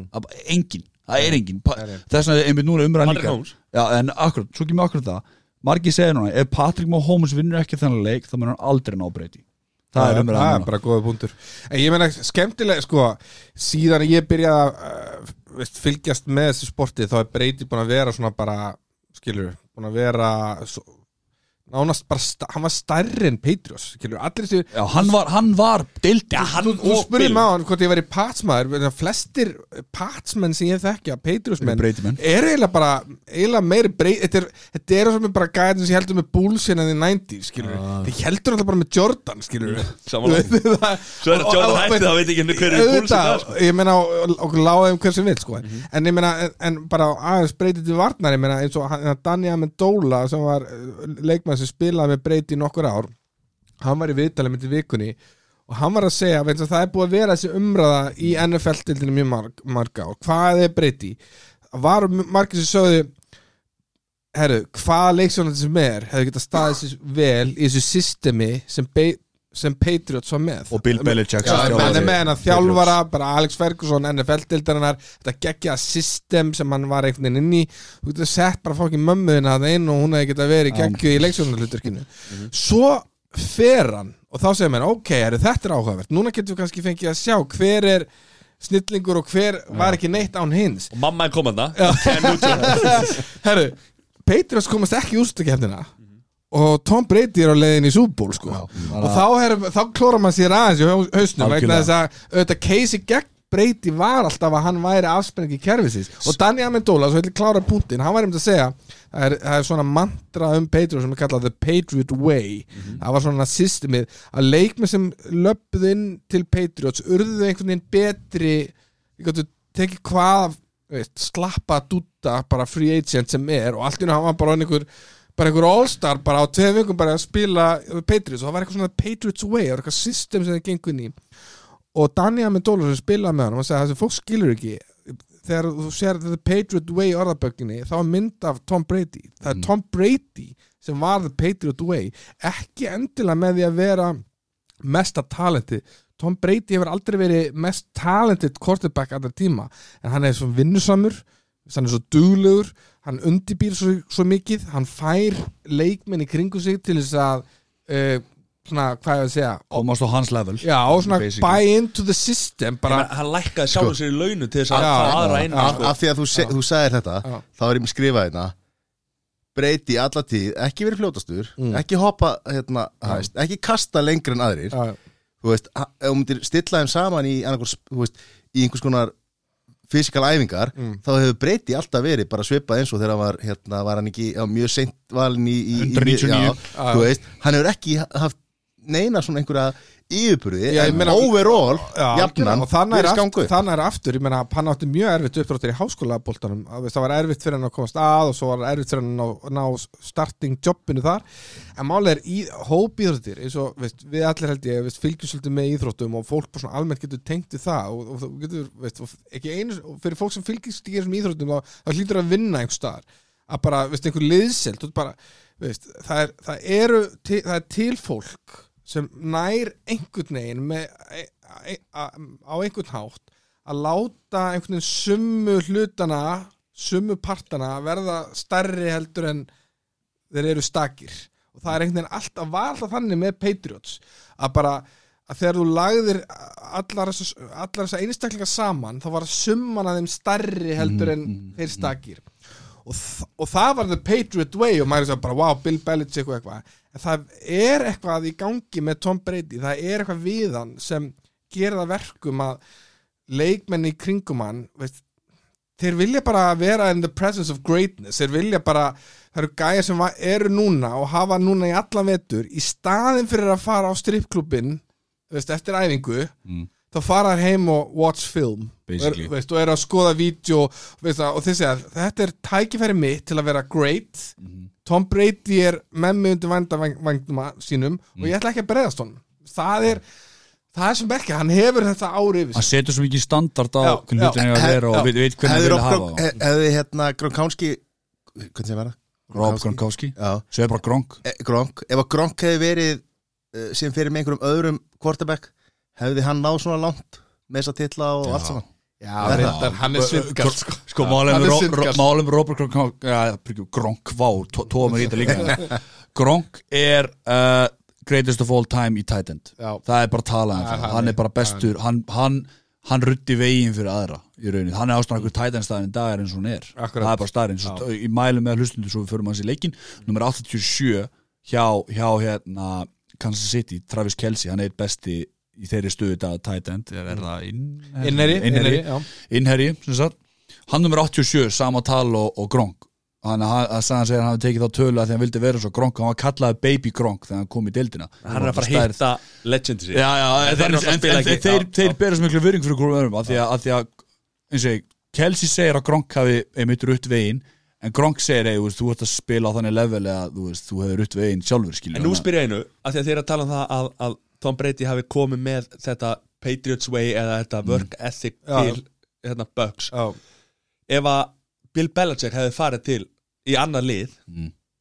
veist, ef hann hefði farið til Bucks og þjálfað þá og komið með þetta mentality þangað veist, er- erum við að- erum við ekki að gera svolítið erum við ekki að erum við ekki að hjálpa, erum við ekki að segja að breyti sér meira heldur en hann ég, ég held að það er ekki sko máli er og nú sko það eru einhverjir Patriots menn eins og venjulega þeir eru að tjá með einhverjar íþróttir að að reyta hársitt en, en sko uh, Bill Belichick hefði ekki getað farið til annars liðs og eftir eitt ár eh, snúið gæfið þess gjörsanlega við og komið í súból auðvitað veist, valdi breyti sér lið og, hann, og það var valdi sér lið sem var hlaðið vopnum og hann bætti og, og það var bætt þvílíkt við lið eftir að mætti og það er ekkert sérstætt leikmenn sem hann eila hann, sko. og það er ekkert sérstætt afreg endilega að skilur veist, það hefði alveg aðri leiksjónundur geta farið með þetta ofta búið í Súból við erum er alveg smá svona breyti hæpuból en ég meina veist, það er eitthvað tilviljanir í þessu líka. Nei. skilur, það eru fullt af góðum liðum og það eru fullt af góðum leikmönnum og það eru fullt af góðum leiksjónundum sem eru ekki að fara að spila sundaginn og Tom Brady er að fara í tíunda sinn í Súból En- og fær, fær hérna Belichick, fær hann ekki svolítið leikmann í staðinn sem er Cam Newton Já. sem er miklu líkari með Holmes heldur en hérna Nei, heldur en, er ekki hleypur meira sko vandamáli sko, veist, vonarstjörnum sem var já. sem er meiri í það að, hérna, að fara sjálfur í hlaupið og, og svona En, en eins og ma- eins og við tölum með deilið íþrótt og Cam Newton lendi í þeirri stöðu að, að hann er árun eldri, hann misti út hana ár og meðslum og fekk sér COVID reyndar og hann eiginlega var verri eftir það er að því miður. Uh, hann hafði, hann hafði engin útæri af opn og það er einmitt það sem umræðan var lengi verið eins og með Patriots aðdándur gefið þið breyti vopn og sjáu þið hvað hann mun geta það er að segja betri leikmenn í kringum hann Akkurat. sem við erum að sjá basically núna. Einmitt. en þannig settur þú annan leikstjónda í sama kerfi sem, við og, og hann var að vinna með hann hérna, hann breyti kannski aðeins lérara, ég veit ekki en það, aðeins lérara að því menn, menn sátt út og menn meittust og svona Cam Newton var alveg afróð í þessu New England. Algjörlega. Ég ætla ekki að skafa því hann var að frekar hugmyndunum ég skil hvað það fara svona er að- er að að- frekar hugmyndunum Cam er Newton að segja að við höfum heldur sko raunverulega spilið Belichick- sko. Með annað lið sko Já, já. Þú veist, og öðruvísi, öðruvísi quarterback heldur en og, breyti sko og annað líka málið er e, og ef við ætlum að, að veist, og ekki algjörlega afskrifa Bill Belichick og, og, og, og átt okkur því að hann er á mjög mikið í þeir, þeirri velgengni sem uh, Patriots uh, nöyt uh, síðustu 10-15 ár. Þá var það fyrst ekkert end, já það var svo mikið í, í gegnum kultúr sem hann skapaði. Og þú, ska, það er svo erfitt sérstaklega verið þjálfar kannski að skapa þannig kultúr á núleitni en, en, en svona star power er svo Tom Brady getur labba held inn í herbyggi og hann getur breytt stemningun í herbygginu á núleitni en varandi, ég ætla bara að segja varandi með Patriots og Cam Newton og allt þetta og við vorum að tala um Gronk á hana að Gronk er kannski á, uh, brey, á ferli Brady með Patriots. Eini elít sóknarmaðurinn sem hann hafði yfir að búa Vist, að öllu öfni, þá komu hann að sterkir úterjar sem voru kannski orðinir eldri og annað. Randy Moss. Ég segi það, Já, þess að var já. mjög gamall sko, þegar hann kom, en ég meina að alla jafna var, Edelman. ég meina, já, Edelman var, var er svona systemleikmaður skilur að auðvitað er hann legend í New England, í Boston og, og þar í kring, en hann er svona leikmaður sem sko hvað ég vil segja blómstra í þessu kerfi það sem var aldrei neinn stjarnar þetta var aldrei lið að minnstakosti ekki sóknarleiknum sem var hlaðið af einhverju svona Galacticos það var bara solid leikmannhópur mm. en, en það var einhvern veginn systemið og, og náttúrulega augljóslega breyti sem letið allt tikka Mm. í þessum, þe- á þessum uh, gullaldar árum Patriots og sérstaklega í úslakefni, þú vissir aldrei hvaðan þeir voru að koma, þú vissir aldrei hvaða running back var að fara að eiga 100 hjarta á þig, þú vissir aldrei hvaða úteri var að fara að fá 10-20 og sprengt út að besta úr öllum leikmennum þetta þetta- þetta er smá svona moneyball já, þessu. það er svona ekki sem moneyball á basically lið í harnaboltanum í Oakland sannsögulegt 80-90 eða eitthvað sem að byrja að treysta á tölur. Byrja að lesa í tölur bara, heru, þess, í, þessi gæi er langt bestu þegar hann swingar í þessu, í þessu inning eða eitthvað skilur. Og það er þeim það sem að Belichick gerði bara. Hann bara fekk bara computer people basically til þess að segja bara hvað segja tölunar að tölunar segja hann sé langt bestur þarna á third down. Ok, þá notum við hann á third down skilur, það er svona hlutir skilur. Og Belichick í rauninni að það aftur the Patriot way svo ég, svo ég og tala um það með Brady að margir leikmenn eins og þetta heitir Pro Bowl. Um helgina sem er svona viðurkenning fyrir leikmenn að þeir eru í Það er eins og All-Star-leikurinn sem þekkjum úr NBA Álstaleikurinn, já. Já. og þá var eitthvað leikmenn sem var kvart í því ó, ég komst, ég, hann var svo eitthvað frústrað við því að vera í Pro Bowl. Og ég myndi að sagði hann segir að breyti þetta 2013 eða eitthvað 14 og skerandi líka í ár sagði við leikmenn, herru, gæmlega ég er ekki í þessu fyrir Pro Bowl, sko. Ég er í þessu til að vinna ringa sem er alltaf rétt, skilur, og það er kannski sem svona ah, ég, þú, þú sem einstaklega getur unnið eitthvað velun en viltu vera meistari skilur, vilt þú fá ring hvað eru margir sem er ringa það það er það sem hann líka búin að implementa í hausuna þeim og, og þetta er sko, sem svona áhuga maður um íþórtir almennt og, sjá, og þá er maður alltaf að bera saman um, hvað að segja íþróttagreinar, ég er allan alltaf í því.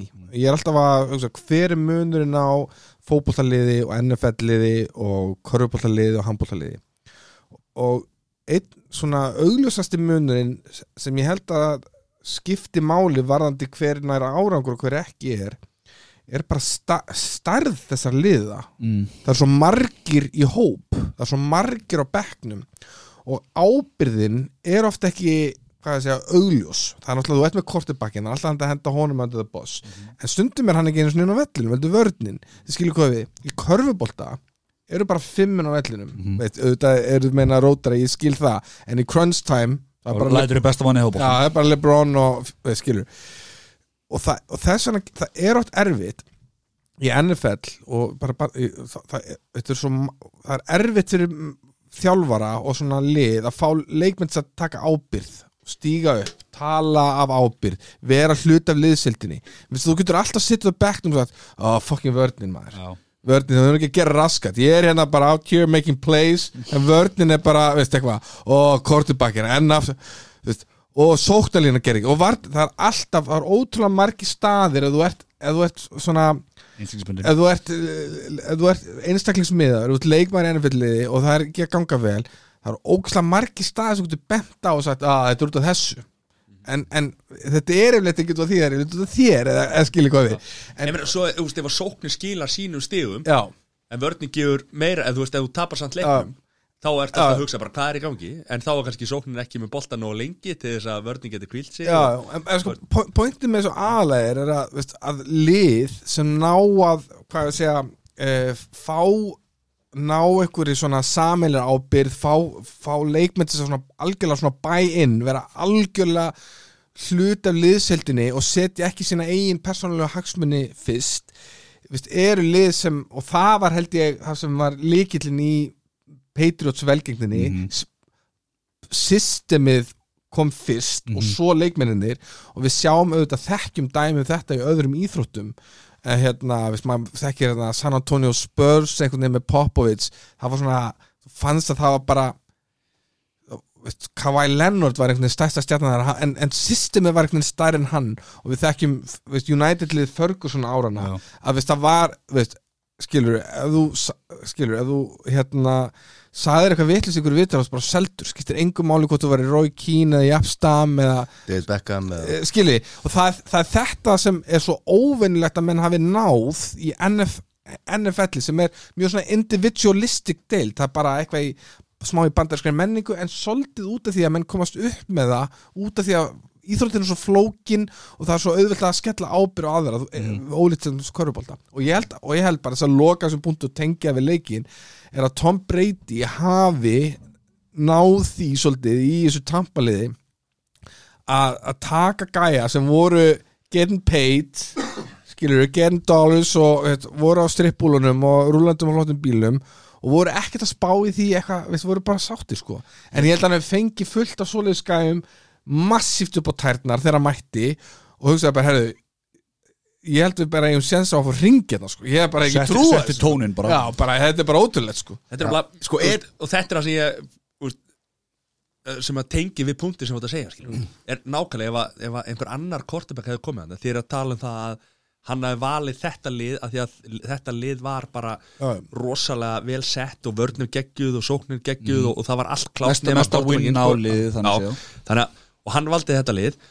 Ef að Michael Vick á sínum tíma hefði komið þarna inn skilur og hann hefði bara verið á strippbúlunum líka.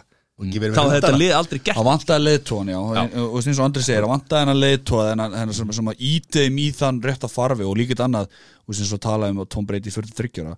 Tom Brady 43 ára er ekkert annað en þjálfur á vellinum. Mm -hmm. það, er- það er sem Arians, aðalþjálfari Tampa Bay hefur sagt, við erum bara tveir þjálfari í rauninni, ég managea X hluta, hann managea X hluta En- einu munir á mér og honum, hann er framlenging á mér og vellinum Er þetta ekki nákvæmlega sama sem að Jordan gerði, sá hún alltaf vantilega allir Last Dance? Akkurat. Hann, hann gerði mennin í kringu sig betri, betri. Já, ég held, ég held að alveg auðlustlega Að hluta, að hluta til skilu en ég meina, ok, sko en Tom Brady sem íþróttamæður hann er ekki af góður en var fyrir 15 ára síðan. Það er, er, er alveg óætt að segja það skilu mm. veist, en, en ekki í sig að taka hann þetta Tom Brady samt sem aður, af því að það sem er líka svo og fallega við, hatar Tom Brady það. Fallega við eins og eins, punktur minn þann það hægist svo skrokkur með það en heili minn hættir ekki að virka skilu, eða veist, það hægist ekki á honum.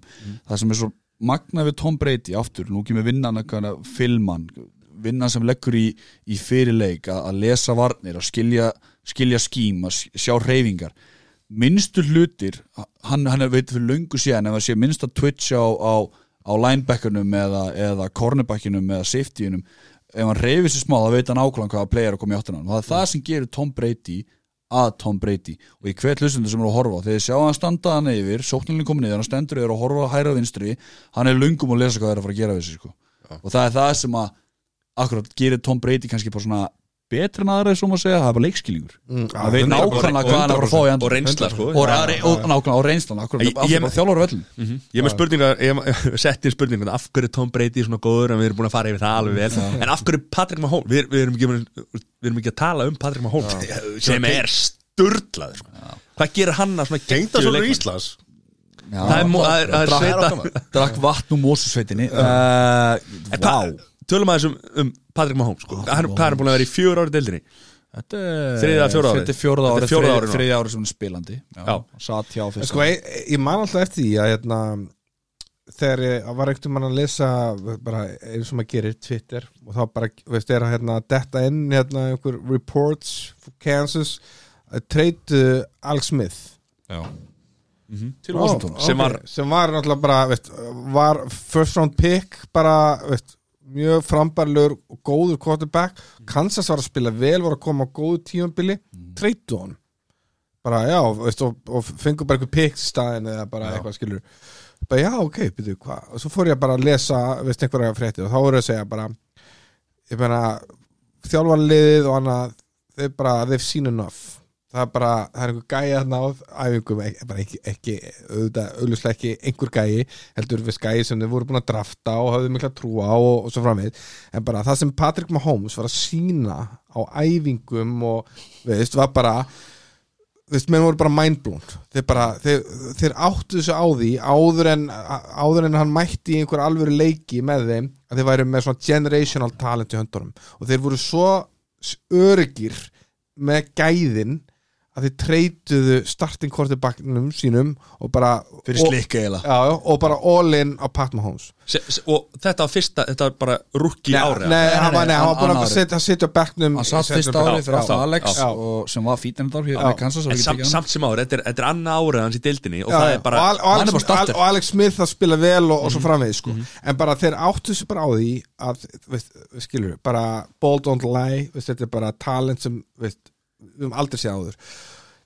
Já, mér er erfitt með að útskýra hvað það er. Ég meina, hann, hann hefur, veist, hann, hann hefur svona smá af öllu en það sem mér finnst alltaf mest impressive við, við hann er veist, hversu veist, það, ég veit ekki hversu hversu oft hefur handleikir svona amerískan fótbolta og kasta hann, ég meina þið vitið öll sem hafa prófað að fárlega erfitt að spinna honum sko og það eru margir sem geta að spinna honum og ég meina það er heil í vísindum það veist, Og setja kraft í já, svona mekanik sko, hvernig er hann hérna, veist, hver, hversu mikið kraft að setja þetta? En bara, Ég spilaði bara tvö ári í NFL en en ekki, ekki meira það skilur en bara hvernig Ma- Mahomes getur kasta honum hvernig hann getur kasta honum hvað ég að segja, bæði uh, í venjulegu stöðu en líka hvernig hann getur kasta honum hann getur verið að hlaupa til hægri og hann getur verið að hlaupa til vinstri og hann getur verið að hlaupa til vinstri og kasta honum til hægri. Hann getur verið að hlaupa til vinstri og kasta honum til vinstri. Hann getur verið að hlaupa til hægri og skilja hvað við. Það er eiginlega, hann getur kasta honum hvert sem hann vill hvaðan sem hann er undir nánast hvaða pressu. hvaða pressu sem á hann mætir. Og það er engin leikstjórnandi í deildin sem getur það. Það eru fullt af leikstjórnandum sem geta kasta, kasta boltanum mjög langt. Það er fullt af leikstjórnandum í deildin sem geta kasta mjög fast. Það er fullt af deildin, leikstjórnandum í deildin sem geta kasta mjög hratt. Margir sem geta hlaupið. Nákvæmt en, en, en, en, en það er enginn sem getur skila boltanum jafn nákvæmt niður völlin úr jafn fáránlegum aðstæðum og, og, og, og, og Patrick Mahomes. Og þetta er svolítið málið. Það eru mjög margir leikstjónundur sem geta ef þeir fá tíma og ef þeir fá rosalega góða vend og ef þeir fá rosalega mikinn tíma til að hugsa málið þá geta þeir kasta fínum fótboltum.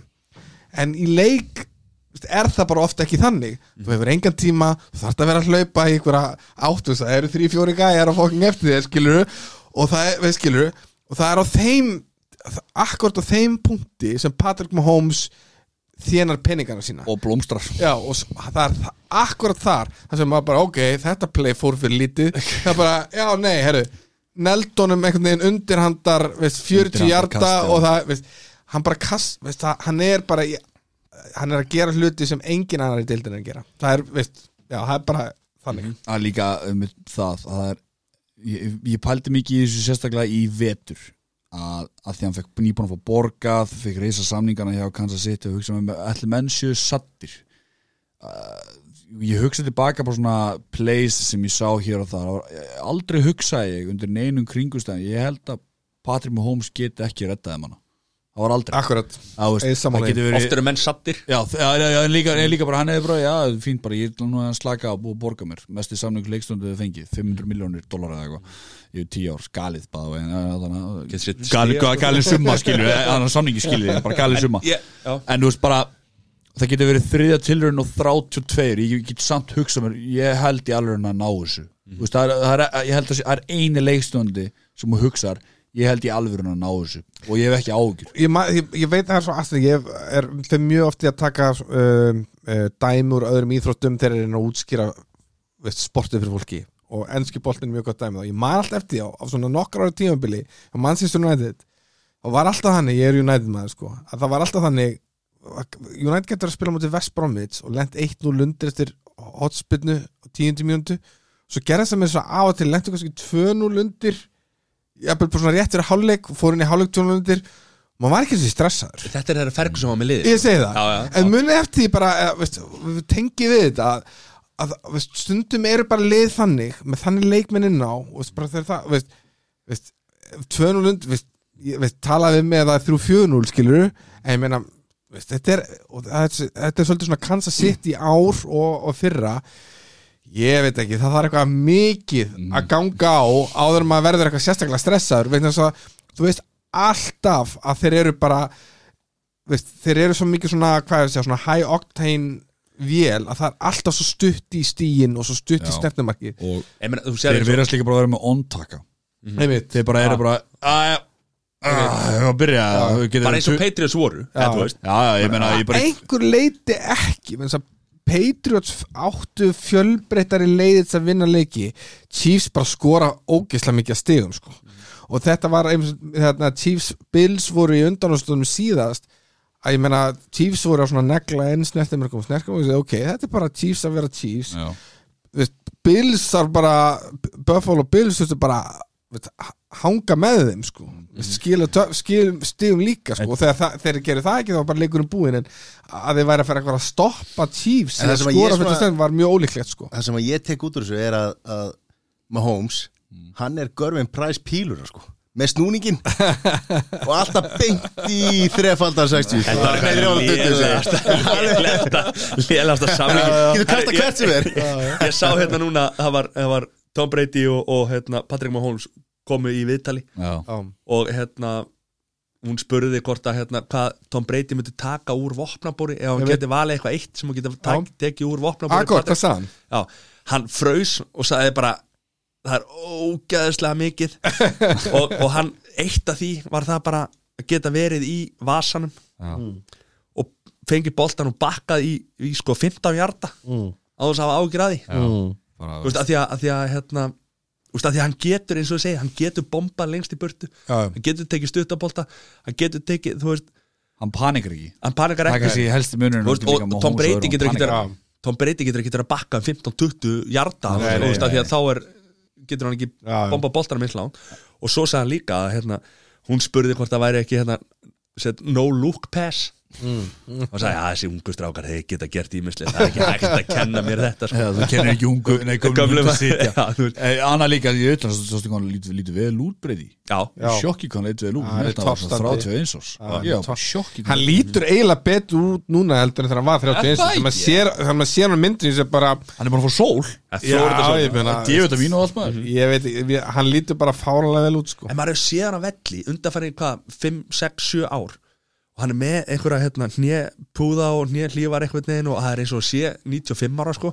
Samt skila hann alltaf sínu Jú, en, en máli er sko ef við höfum líka að vera alveg heðlir þá er náttúrulega leikstjórnanda staðan kannski fyrir utan kicker staðan svo staða sem reynir kannski minnst á líkamlegt atgerfi ef við höfum alveg heðlir það er svo gott að fá þessi tröll Jú, jú, ég, ég veit það en en, sko kikka nervið sko, þetta grínast það þú, þau eru sparkaði bolta.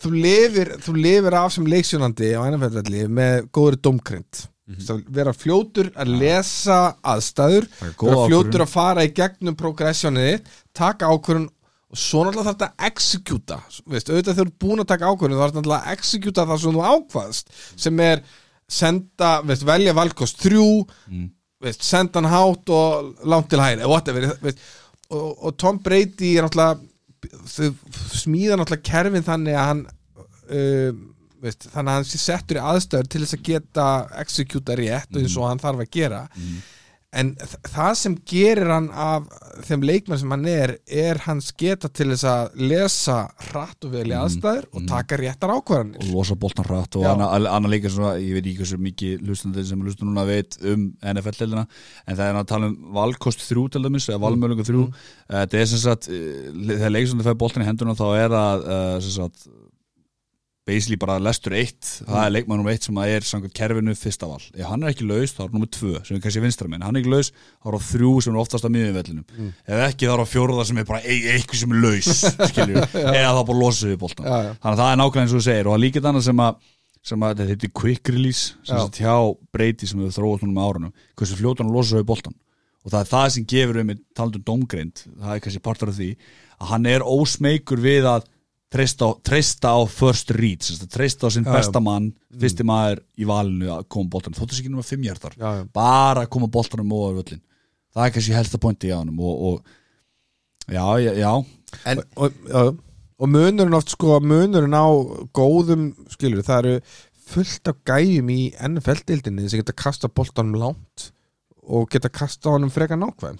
Þa, það er ekki endilega aðal skilsettið Veist, þetta snýst um hérna, að gera til dæmis fá mistök. Vegna þess að mistök í, hjá leiksónundum er svo kostar að- kasta boltanum frá þér. Ég meina, ef þú getur ímyndar ef þú séð eitt svona NFL-kerfi það er svo mikið af fljúandi hlutum Já. í sviðsmyndinni og ein röng ákvörðun er mjög, hvað ég segja er, það er ekki erfitt að gera mistök, skilur Mm.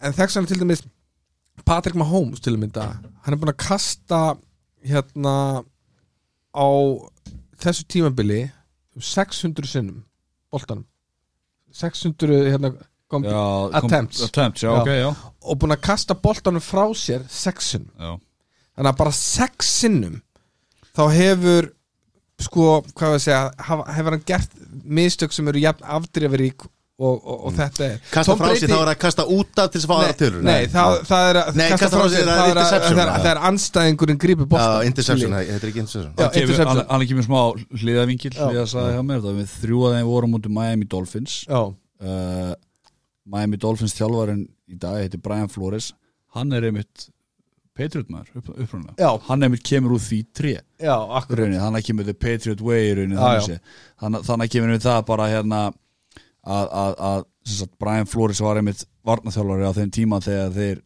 unnu Chiefs fyrir þreim árum undan Einmitt. þetta er bara sko, smá hliðar, hliðarbóti í En þetta er bara, en, en, en pointi þetta, veist, að þetta, þetta er ekki endilega, veist, að besti leiksjónandinn er ekki endilega sá sem kastar lengst Mm. og e ekki sem kastar fastast. Þetta er, þetta er svona s- samblanda af svo mörgum þáttum og, og rosalega stór hluti af því sem gerir góðan leiksjónanda hefur, hefur einmitt ekkit með líkamleitt atgerf að gera.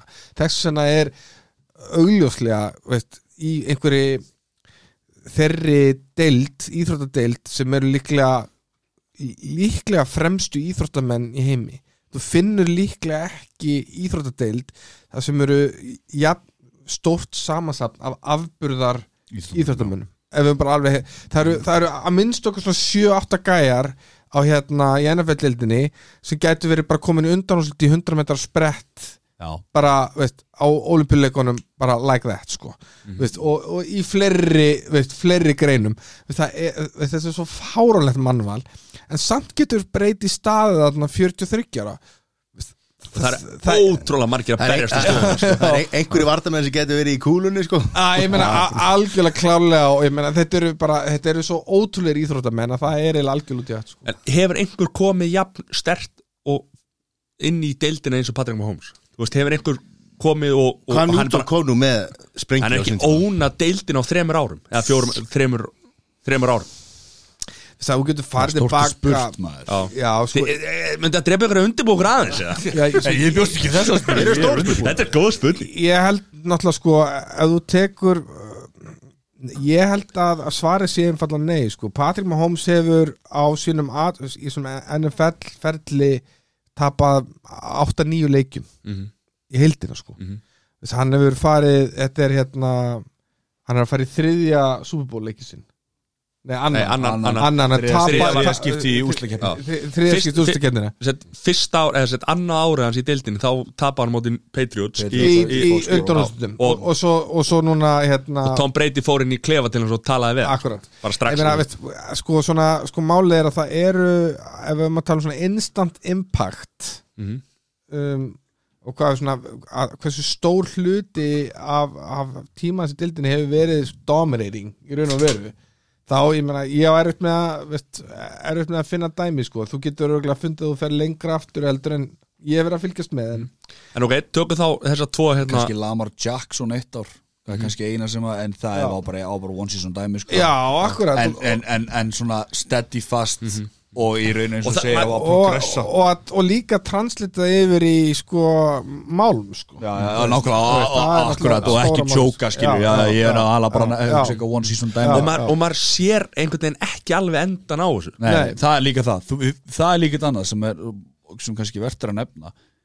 Þetta er kannski ekki besti Patrick Mahomes sem við erum að sjá Nei. sem er alltaf Nei, algjörlega, hann er ennþá ungu leikmaður og ef, ef við sko hann er fættið 95 já, hann er meittu núna já, hann er meitur á tá Já, og það og, sa- og meiri svo svolítið svona, já, jú, hann er meitur á tá Mhm. en ég er að segja, veist, venni svo að hausin líka er, ég meina, ef þú færi svona mikið högg á hausin þá hlýtur að hafa einhver áhrif á því Jú, jú, en, en, en ég segja leikstjórnendur eru oftar en ekki ef þeim verða ekki þýmun meittari eða svona banged up sko, þá verða leikstjórnendur, oftar en ekki betri með árunum. Mm það fyrir flesta þá tekur það tíma að læra inn á hraðan Mm. og flækjustíð á þessu öllu. Og það sem er hefur verið mjög merkil með Patrick Mahomes er hversu snemma þeir fóru að ná miklum árangir og hversu snemma hann er í raun og verið dominata dildina ég meina Aaron Rodgers og veist, Peyton og John Elway og svona gaurar þeir tóku, það tók það miklu lengri tíma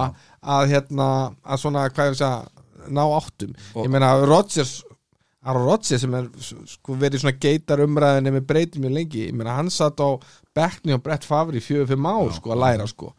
Ég meina veist En já, ég meina Patrick Mahomes er algjört uh, ég meina hann er algjört fenomen ég meina fólk, það er ótrú og þetta er svolítið líka skemmtild við þetta. Ég meina veist maður er svo þakkláttur af, þetta er, veist maður að lifa þetta að já, sjá maður er að horfa á bara history in the making. Og líka- líka hérna Barcelona liði hérna veist, 2009 eða hvað var hérna nei, tvö- 2013 eða eitthvað. Þegar hann- Guardiola tók við. Já, Já. veist Barcelona liðið þetta með veist, Guardiola þeir voru gjössalega voru með svona 87% possession unna allar leiki 5-0 Messi skoraði 70 mörg unnu tíumbili þeir unnu all, veist, og maður, maður þú eru að horfa á þetta bara þetta er bara history in the making sko. ég get satt barnabönnum mínum frá því að við sé leiki með þessu liði skilur og En það er svo- alltaf líka að því að hann klára þetta skilur að því Já, að hann er já. búin að klára titla. Já, já, algjörlega. Hann, já, akkur, það, hann, Hann á er málum til að sína Algjörlega. hann er ringa Já, skilur, já. það, það, og ekki enda- one-off, hann er bara hann er bara, bara mættur aftur, hann er bara komin aftur á Já, sama stafar í fyrra. En nákvæmlega hversu mikill hluti Reid skilur, þjálfari? Eh, það er- mikið á hann þessu? hann alltaf á hann tekur sjensin inn í enda á Patrick Mahomes. Uh, hann er alþjóðlega sem draftar hann en svo líka er önnur umræða sem er líka oft, oft, nú kemur aðeins mér dýft í þetta aftur, ég er svona að sökka mellir grund og djúft Já, uh, í dýftinu er það að það er náttúrulega sóknarþjálfari, varnarþjálfari og fullt af þjálfarum að bak við aðalþjálfaran og það er um þetta er sóknarþjálfari í Kansas City sem þetta er Eric Bieniemy. Uh, hann á stóran þátt í sí hvernig Patrick Mahomes hefur þroskast og þróast og hefur verið hans hjálparhönd og einmitt Patrick Mahomes sem fór í viðtal og sagði að það var fáland að það var ekki búið ráðan í aðalþjálfarastöðu sem núna mikið drama en hann deildar hann að það sé ekki búið ráðan það er eitthvað, það er eitthvað skítur á honum skilur þannig að Andy Reid Jú, ég menn Andy Reid er eiginlega snillingur út á sinn hátti eða, ég segi nú ekki meint kannski snillingur hann er, hann búin að vera er lengi rosalega hann er deildinni lengi deildinni og hann er rosalega vannmetinn þjálfur hann fjall rosalega mikið í skuggan á Belichick og fleiri öðrum greats í raun ekki ennum tíðina svo má segja, er, er það ekki nokkuð Jú, ég, algjörlega, hann var náttúrulega áður en hann kláraði titilin í fyrra var, búin að tjóka. Já, var hann með svona ári yfir sér hann gæti ekki tekið þetta skref. Þannig að auðvitað skilur að vinna titla breytir öllu. Það breytir allir í narratífin um þig og gott dæmi um það er bara það sem er að fara að gera sér Aaron Rodgers Mm. að tapa hann fyrir breyti núna síðast eftir eitt svona besta regular season tímabil sögunar það er allir búin að vera allir búin að gleyma því sko, eftir, eftir, hérna, eftir smá stund. En það sé að segja með að, að, það er svo skemm sko, ég held að hann sé fullkomið þjálfari fyrir Patrick Mahomes. Vegna þess að maður fylgist með Patrick Mahomes svona innanvallar utan þetta er bara svona hress, svona careless já. hann er svolítið svona don't give a fuck, hann er bara svona alltaf, alltaf í góðu skapi sko. og Andy Reid er hann er smá svona, svona flippaði þjálfari og hefur alltaf verið, hann har alltaf verið óhrættur við að hendi eitt og eitt sprellikerfi. Fer sína leið. fa fara til sína leið taka sense of fourth down skiluru, veist, þegar það fjórðu tilur þegar flesti sparka Með frá sér. þá, veit, mér finnst þetta henda persónleika Patrick Mahomes vel. Mér finnst þetta að vera svona gott mats Þetta er rosa mikið, er rosa mikið svona eh, veist, aðeins lengra en feðgasamband. Þetta er svona, þess, þetta er basically afi og barnabann þetta er, eru félagar þeir, eru, og líka þetta annað með það að þetta var eða ekki Patrick Mahomes var eða ekki lærlingur undir Andy Reid. Patrick Mahomes var bara leikstjórnandi hann var eiginlega bara full skapaður sko, og það er það sem gerir svona kannski þeirra virðingu svo veist, þeir bera virðingu sem, sem svona jafningjar á þeir leveli að Andy Reid hlustar, hann, hann er aldrei sagt við Patrick Mahomes, nei, þú hefur ekki reynslun til að geta áttaði á að við getum ekki náðu þessu fortán. Veist, hann setti líka bara svolítið svona sleft honum svolítið lausum á þann hátt að hann treystur honum. En af hverju kemur Fletcher Pat- sambandi sko. Ha, Já. Um ba- afi er fá- En af hverju kemur hann svona tilbúin í deildina? Já, ég, ég, sko málið, hann var náttúrulega hann var góður í í háskóla, en ég meina, hann var ekki hann var ekki samt í hann svona, var eitthvað hann var ekki stand out íþróttamann Nei, Hann nei, var og menn ekki- hafa valið fullt af leikmennum með fyrsta valrétt sko fyrir eða síðar skilur, og, ég meina, menn voru ekkert endalega splæs í það þarna en veist, ég bara þetta er bara fárulega góð spurning. Sko, ég var bara líka- að rósa það fyrir hana. Máli líka bjóst ekki við ég þessu. var að, að því ég var akkurat í dag að hlusta á, á ég er aðeins bara undirbúin fyrir postseasonu, ég, ég, er ég er mikið fyrir það sko að það sem gerist eftir að þessi leikur er búin þá gerist svo mikið, svo mikið sem er fram á leikmannamarkaðanum já. það þá tala um þetta nýlega valið sko að þetta er cirka 30% nýting. Mm.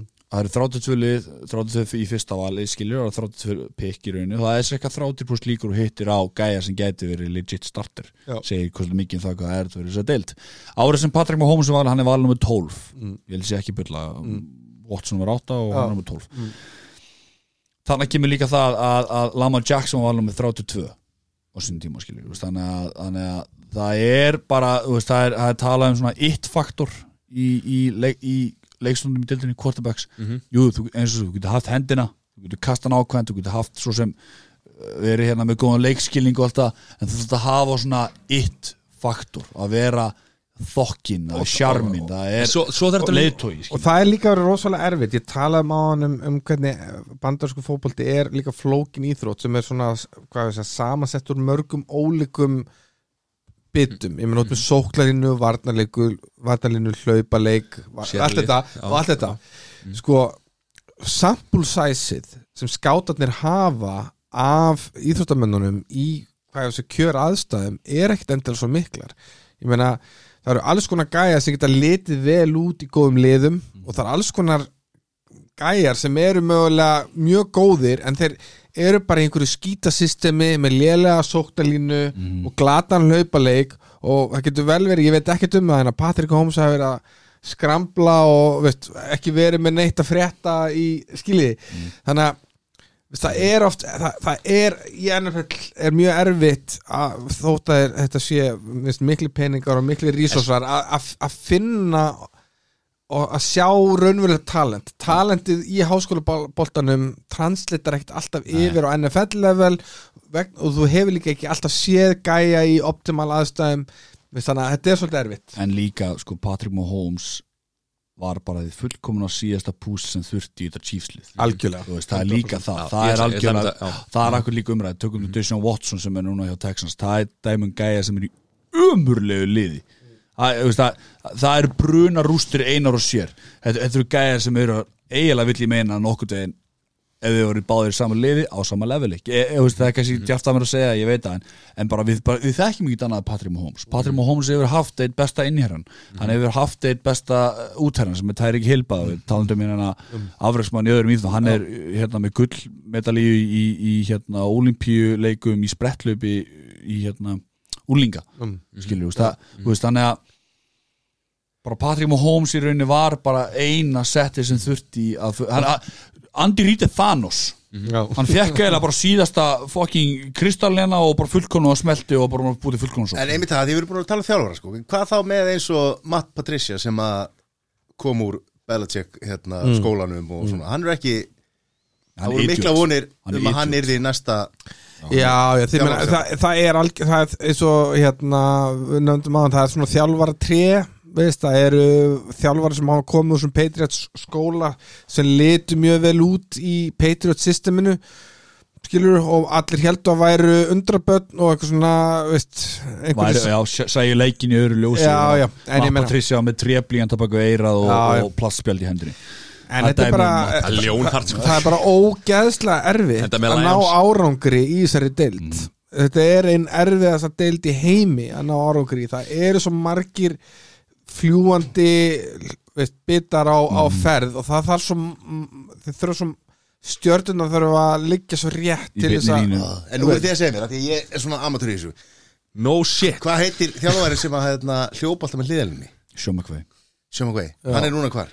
Hann er í LRM sem sagt. Rams Sama lið og hann var hann að síðast þegar þú sást hann Já, Á LRM voru hvað var Eli Rems þá kannski einhvers staðar allt annars staðar heldur í LA? Nei, nei, nei, þeir voru í St. Louis Rams og það var svo geggið þegar hann alltaf hlaupa Já, já, alltaf tóndi hliðar en máli líka með Sjómakvei og LRM svona, gaman að segja frá því að þeir voru einmitt oft treytið því sín leikstöndur sem heitir Matt Stafford og þeir einmitt stukku bara upp í það að vera í þriðja líklegasta liði til að vinna Super Bowl á næsta ári Vegas er alltaf, Vegas hættir aldrei að að crunch Já. the numbers sko. Það bara Hvað er Vikings í þessu? Það bara kemur ekki já, Nei, ok, við ekki bara Ó- drullar þér út um það. Óumræðu hægt, sko, ég ætla ekki að skafa ok, nú erum við búin að tala um leikstjórnundur Hvað, fyrir þá sem er enda að hlusta sem að hafa engan áhuga á þessu Hver hérna Hvaða leikmenn eiga menna að fylgjast með fyrir utan þess að tvo leikstjórnundur? Hver eru bestu leikmennir í báðan liðunum? Hvað var að byrja hvað? Grá Þú máttu móðilega, hvort Já, ég, Hvort lifil takk fyrst Móðilega Sko ég, ef að seg, ég ætla að svara þessari spurningu þannig Mhm. að fyrir utan leysjónenduna þá er besti leikmaðurinn og ég er oft, sko ég veit, leið mér að stoppa aðeins hann Hver er besti leikmæðurinn í Bucks? Það er Tom Brady Ok, ok. og Patrick Mahomes. Ok, Þeir eru þannig að þeir eru bestu leikmæðurinn Ok, ok. En ef við tökum þá hans út fyrir sviða og það er, þetta getur fara aðeins djúft í þetta og tala um varnamenn en ég er svona, við skemmtir að tala um eða St- besti leikmaðurinn á vellinum í Tampa á Super Bowl fyrir utanleiksuna er að mínum að þetta Tyreek Hill. Mhm. hann er Já, mest, mest í Kansas City. Í hann er algjör svindlkall. Hann er svo fárónlega fljótur. Það er wide receiver sem að set White- grípur boltan White- frá já, sem, sem, sem, Já. Pat, sem Patrick Mahomes kastar á. Stundum kastar hann geðveiksta langt kastar hann svona djúpum sprengjum niður völlin á hann Mm. stundum kemur Tyreek Hill hlaupandi svona fyrir aftan leiksjónandan og Patrick Mahomes réttur hann bara boltan en Tyreek Hill hleypur samt 60-70 me- 70 metra með hann. Mm. hann er svo fljótur, hann er svo snöggur hann hefur svo mikið sprengikraft hann hefur svo mikið hvað ég að segja sko, í hvað átt hann fer? Hann getur sprengt til vinstri eða til hægri. Þetta er, hann er, hann er að tala um svindkall. væri með, væri með gullmedalíu Já, í, í, Já, hann er, hann er hann er sprettlöpari sko. kallaði Chira. Já, hann er Chira.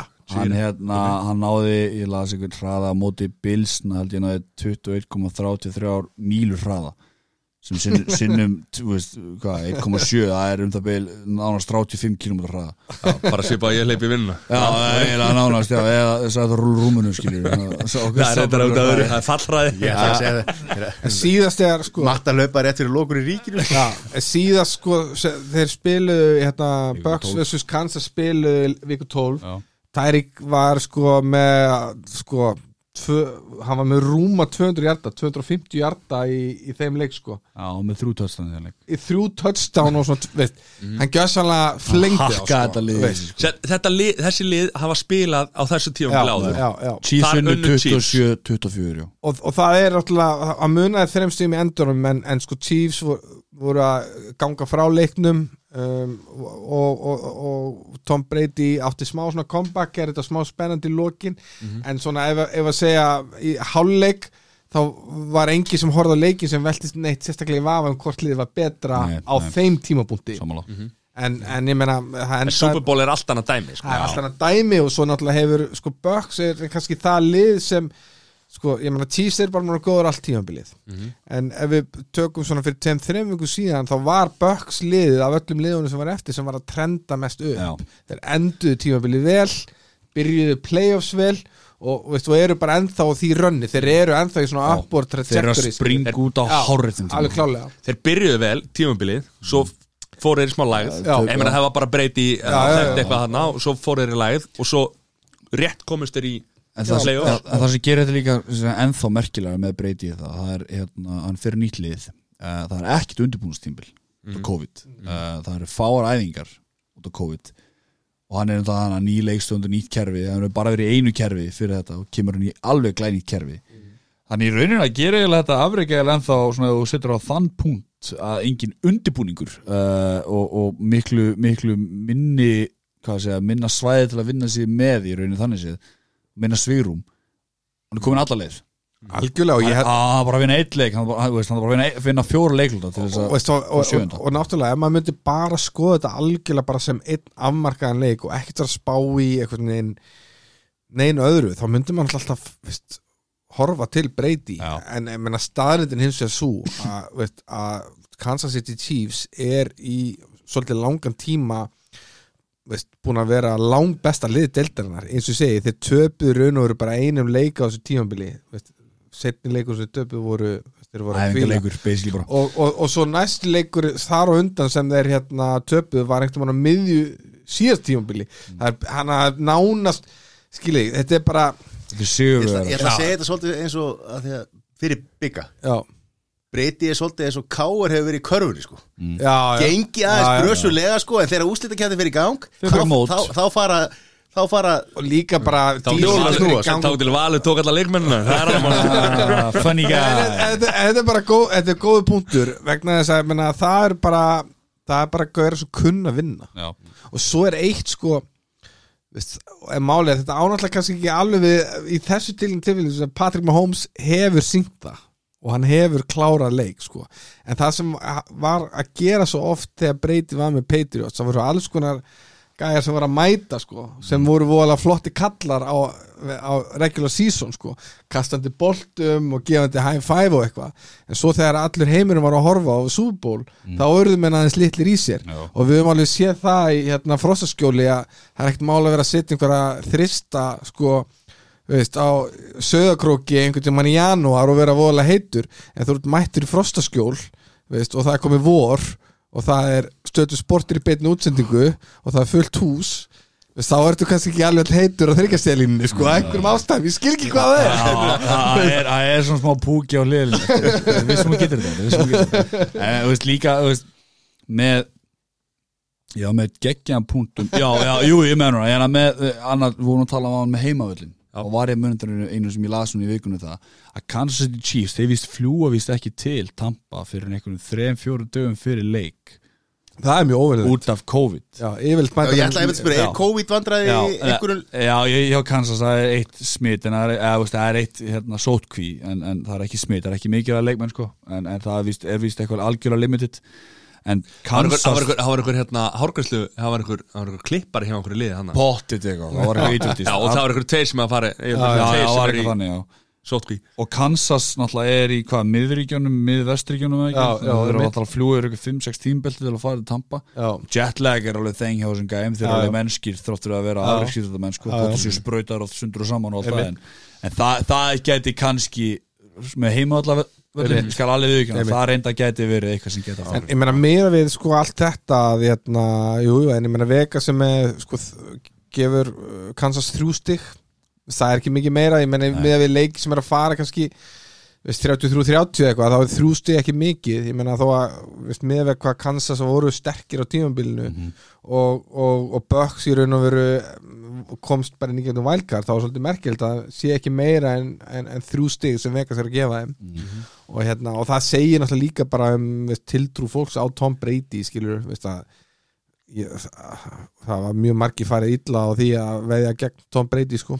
Enda fer það alltaf illa þegar fólk veða ekki Tom Brady. En við nefndum inn aðan leikmenn til fylgjast með hjá Kansas verðt að við nefna hjá Bucks og líka leikmenn líka. Já, já. uh, við erum með Kelsey. við erum með, nei, já, Nei, við fyrir, erum já, með- Bucks, já. Bucks, já. Mike Evans til Mike Evans svona Já. 13, hann er útherji hann er svona byggður eins og Gronk basically, stór, sterkur gæði sem er útherji samt 14 hjá Chris Godwin, hann er nákvæmlega sami gæði basically, nema aðeins meiri sláni og, og já, þú veist En hvað með Antonio Brown? Er hann að fara að spila það? Ég veit það, það, það er það sem að kemur ljós bara núna Það er alltaf mjög Ég ætla spennandi einmitt að spá- Veist, einmitt að spyrja Antonio Brown náttúrulega veist, var lengi vel besti útherri deildarinnar Mhm.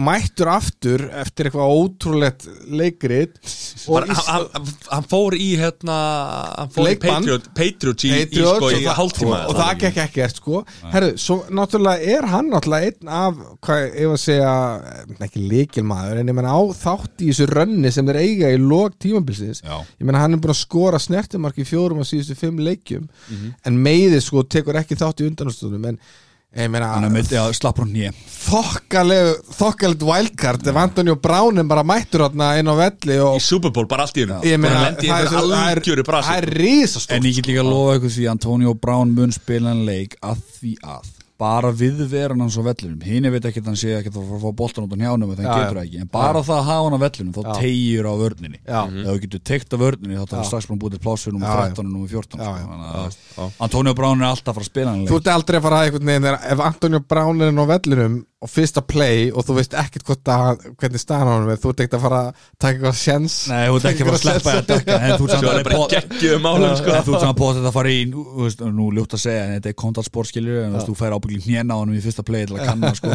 og sérðu þá bara. Þeir standa alltaf upp, sama hversu illa eru tekninir Þeir standa alltaf upp. Ekkert öflur En það er Ekki náttúrulega bara út í hött sko að ég meina það hefur líklega sko líklega, ég veit það ekki hvenar hefur eitthvað lið verið með útherja galleri af sama kaliber og Antonio Brown Mike Evans og Chris Godwin þetta er eiginlega gjössamlega út í hött sko. Hæfileikana sem til stað þetta er eiginlega bara þetta er eiginlega fár Þetta er blöytur draumur alla leikstundum Já. Ég, þú veist, og ég fyndi að við ekki rættum þetta við hjá tíu jördunum, við erum alltaf með okkar spjalla sem við tölum alltaf um hluta ára við noktum ítum á rekk sko, Mm. og vonum að það spjall var aldrei þetta er dagsins ljós, en það er svo þær miklu yfirlýsingar þar. Uh, Ég eh, eftir að ekki, ég held að við getum ekki hugsað um neitt lið sem að hafði nokkuð veginn sama vopnabúr Nei. og þetta Tampa Bailey svo sem kannski Kansas City Chiefs en það er Patrick Akkurat. Mahomes effekt eiginlega frekar en nokkuð, nokkuð annað sko. akkurat þannig að Ég fekk, ég fekk spurningar hérna frá hérna, frændu mínum Við erum með spjall hérna sem að hérna, smá undirbúningur hérna Hvað ætla Bucks að gera til að stoppa Hill og, og, og Kelsey? úf, Hvað ætla að gera? pressa á Mahomes strax ég held að það sé ala, ala tryggið Það er ekkert nóg. Nei, er bara, jú, hann er bara er eiginlega eina sem getur gert það því að, því að það sem gerir líka Travis Kelsey og Tyreek Hill uh, svona afgerandi leikmenn þau búa sér til pláss, þeir hætt aldrei að leita að svæði, skilur, til þess að gefa Mahomes pláss. Þannig að en það sem að, það sem að gerir líka Tampa Bay vörnina svo magnaði það að þetta er einn besta vörn og best manna deildi, nei, liði í deildi, nei, hérna, vörnin í deildinni. En aftur ef þau ná pressu á Mahomes og láta hann skramla ég meina, ef, ef þú nærða að koma veg fyrir það að Travis Kelsey fóða boltan og Tyreek Hill bara með því að pressa á, á Patrick Mahomes En lætur hann undan pressu? En, sko, þe- þetta er bara svolítið líkillin og, og auðvitað, hérna, veist, ef maður er að fylgjast með NFL svona í, í fyrsta skipti, þá veist, er maður að horfa hvað er leiksjónin að gera en að kasta þanga, er maður að horfa út en að einhverju hlaupa en aðal einvið liggur oft annar staðar, það liggur oft til að mynda á milli varnalínu og sóknalínu það er gæðinni sem fara neðan á hnén og bömpa svo hvernig annan. Sko varnalínan eh, hjá Tampa Bay er eins og besta í deildinni. Og þeir eru eitt af því sem eru svo góður í er að ná til leiksjónenda Mhm. og það er það sem náttúrulega skópirinn og sigurinn hann á móti Tamp, nei, á móti Green Bay fyrir geði í, hérna, í undanústunum að þeir náðu að fella Aaron Rodgers fimm sinnum það var bara skiptið þeir náðu að fella hann Já. Í- ég myndi ykkur öll hinskiptin það sem sko Aaron Rodgers stóð stöðu. hann, hann, hann sér eitthvað ok eftir, eftir einu hálf sekundu þá geti, og hann sér bara eitthvað nöyt hérna, koma hérna right peripheral hérna dæmi skilju þannig að Finnur bara og, þe og þetta, þetta er bara málið veist, og þú hugsa bara skrítið, akkur er Aaron Rodgers ekki alltaf að kasta veist, veist, ef maður er að horfa á þetta algjörlega grinsta leveli en þú áttað ekki á að gæin er að skýti buksuna sko. Og líka- hann bara fær engan tíma. Þessi gæi er ekki náttúrulega tannkrem sko. Nei, nei, og, lí, og, lí, og lí, líka bara í þessu þú veist, ef, ef þið ná að pressa eins og, og andra kom inn á og setja pressa á hann og, og þrengja svæðan þannig að maður hómstar að fara út þá er gæinn í vörðin tilbúin að treysta gæinn fyrir aftar sig akkurat. að eiga allan að sjens í boltan En gallinu og kosturinn við, við Mahomes er að hann er bara með hann, er, hann, hann lítur út fyrir Já. sem er En svör þeir, við já, en þeir þurfa bara ein, eina skyttu það er málið, þeir, þeir eru tilbúin að gamla við þurfum þið bara að skýta þið einu sinni Akkurat. og það, það, við erum með Tom Brady og það er ekki nóg einhvern veginn bara að beinunum úr vasanum í einhver átt sko. Veist, það þarf, veist, Það það að setja hann til pressu og, og láta hann líða illa og, og það er náttúrulega og, veist, og ég meina Bucks geta gert það og það er klálega líkillinn til þess að, að, að, að ná til og ég hef með smá punktina fyrir þá hlustun sem vilja vera sporty ef þið farið súbúlparti að sjálfsög verðum fjöldatakmarkanir og allt það. Hérna, þið vilja vera sporty í, í súbúlpartinu nefnið þá á hérna Devin White nummer eh, 54-45 hjá Bucks, mannstu það? ég man ekki Nei, allan hann er linebacker hjá Tampa Bay. sími í gangi hérna sko. það er ekki minn allan Ok. það er allan einhverju hérna hann er linebacker hjá Tampa uh, ef þið vilja vera sporty segiði að, að hann veri líkillin í sigri Tampa Bay. Já, Já. af því að hann, er, hann færi sig í miðlínu hann mun stoppa Kelsey líklegast Mhm. og vera honni hennum já, og, og bara ef hann spila eins og hann er búin að spila úsleikjafni hinga til þá er hann líkillin að þessu. Okay. uh, Er Tom Brady að halda áfram að fara að kasta interception sem hann hefur verið að gera í úsliðakefninu núna? Hann letti illa í því núna í síðasta leik til dæmis ég held að hann geri það já bara, hann er ekki ennþá hann er ekki lengur þrátt tvekjara Mhm. því miður. Uh, sko Stupid take, að því, að því þessi Kansas City Chiefs vörð svo við tölum við vörð hún var, alveg, hún var ekki sérstök á, á velna tímbilinu en það er svona vörð sem að fór í gang á, á hérna í, í úslakefni og það er gæði sem til Tyra Matthew með 32 hjá Já. Kansas City Chiefs vörðinu hann er kallaði Honey Badger. Já, hann er honni öllu, hann er, hann er safety sem, sagt, sem aðeins aftar á vellunum hann er alveg gæði sem er tilbúin að geta bolta hjá, hjá Brady sko. Sko, algjörlega og það fer náttúrulega líka rosalega eftir leikmyndinni. Vislum, ef, ég meina ef uh, Kansas nær fórustu snemma í leiknum þá erum við að fara að fara að sjá interceptions og breyti, það er alltaf þannig. Já, ég, mér finnst mjög ólíklegt að það gerir snemma í leiknum meðan leikurinn er ennþá í jafnvægi og, og, og svona en, en, en hafandi sagt það, þá er sko Kansas vörnin er ekkert, hún er alltaf lægi, bara fín vörn. En ef það er eitthvað sem þeir eru mjög góður í þá er það sendingavörn það er að segja vörn gegn svona löngum, djúpum sendingum góður að komast inn í sendinguna Þeir eru gæðina fyrir aftan Já, basically. þeir eru ekki mjög góðir hérna endilega í varnalínu það er ekkert sérstaklega góður, ekki mjög góður á móti hlaupaleiknum. En veist, þeir eru ekkert sérstaklega vörn en, en það er Tyron Matthew effekt og, og svona tveir, þrýr aðrir svona bakverðir og, og safety sem eru þannig að, veist, þannig að ef það er eitthvað sem góður í þá er það það og þá gætu mögulega náðu einhverjum interceptions En það sem hjálpa líka breyti í þessu það er sóknarlínan hjá hérna, Tampa Bay þessi, þessi, þessi fimm nöyt fyrir framann þessi mm. belju hjörð sem að vera Mm. hún, er, hún hefur verið eins og þeir orða þastans, outstanding Mm. já, skil, hún hefur verið frábær En menn hafa átt talað um það líka bara eins og með, með New England að þú veist, þessi gæjar fara alla leið og miklu lengra til að verja breyti að þeir hafa berað svo miklu virðingu fyrir honum. Algjörlega. Og það er við vorum að tala til um sem hérna, Cam Newton til um sáðan, ég meina það eru leiksjónendar leiksjónendur í í þessari deild sem átu gras bara í vetur vegna þess að það eru sóknarlinum en sem bara fíluðu þá ekki sko. Já. Át, Át og gras er þetta meina að þeir eru voru settir, í það, það er veist, þetta er bara, það er flókið að fá 50-60 gæja meiri lið og það er ekki alltaf allir til í að leggja líf sitt að veði fyrir hinn gæjan sko. Það gera það allir fyrir breyti og Já, alveg klárlega. Þess að tóka ég alveg sigurvegarar. 100% Ég meina, Þeir gera al, það sko, það er alveg frækt sko, það er leiksjónendur sem komast þér deil það fyrsta sem þið gera er að, veist, að kaupa bíla handa alla í, handa öllum í hérna, sóknarlínni Mhm. mm, það er sóknarlínan sem lætur þið líta vel út. Það er sóknarlínan sem gefur þið tíma til þess að kasta boltanum, passar búið að vera ekki feldur og eitthvað. Þannig að, Mhm. veist, menn þurfa sóknarlínan þarf að berjast fyrir þig og hún þarf að fara í stríð fyrir þig. 100% og líka bara það sem, að, að, sem, að sem breyti líka bara gerir svona eiginlega oftar en ekki hann setur kröfu á einstaklingin að spila svona hæsta leveli. Það takja oft eftir að hann kasta bolta og hann kannski grípur ekki boltan út herrin mm. og þá tekur breyti þessa störu. Er svona horfið bara á hann og bara svo hvað er þetta vonsvikinn. að gera Hann er hann, vonsvikinn. já, hann, er meira, hann er meira vonsvikinn. Já, já. og ég held að það er, sé það sem svona eðilegu fyrir þeim bara ég brást honum já, já, að því að, en það er því að hann bara gera þá kröfu. Þú ert að er- spila með mér þú spilar á ákveðinu leveli eða, eða þú fær ekki boltan Þetta er eins og mamma, þegar mamma þið segir ég er ekki, er ekki, er ekki reyði Það er svo kemur alveg spurning hérna frá Arnari sko. hvað, hvað með ó lænið hjá Chiefs? Það er só- það er sóknarlínan Það sóknarlínan. mun það standast Pierre Paul og hvað, Shaq Parrett Shaq Barrett, já, já Þetta er bara góð spurning og Já, þetta er náttúrulega, sko málið er þetta er fyrir lengra komna, Arnar félagin og fleiri þá er þetta, eru sko raunverulega einvið leiknum likku til dæmis þarna.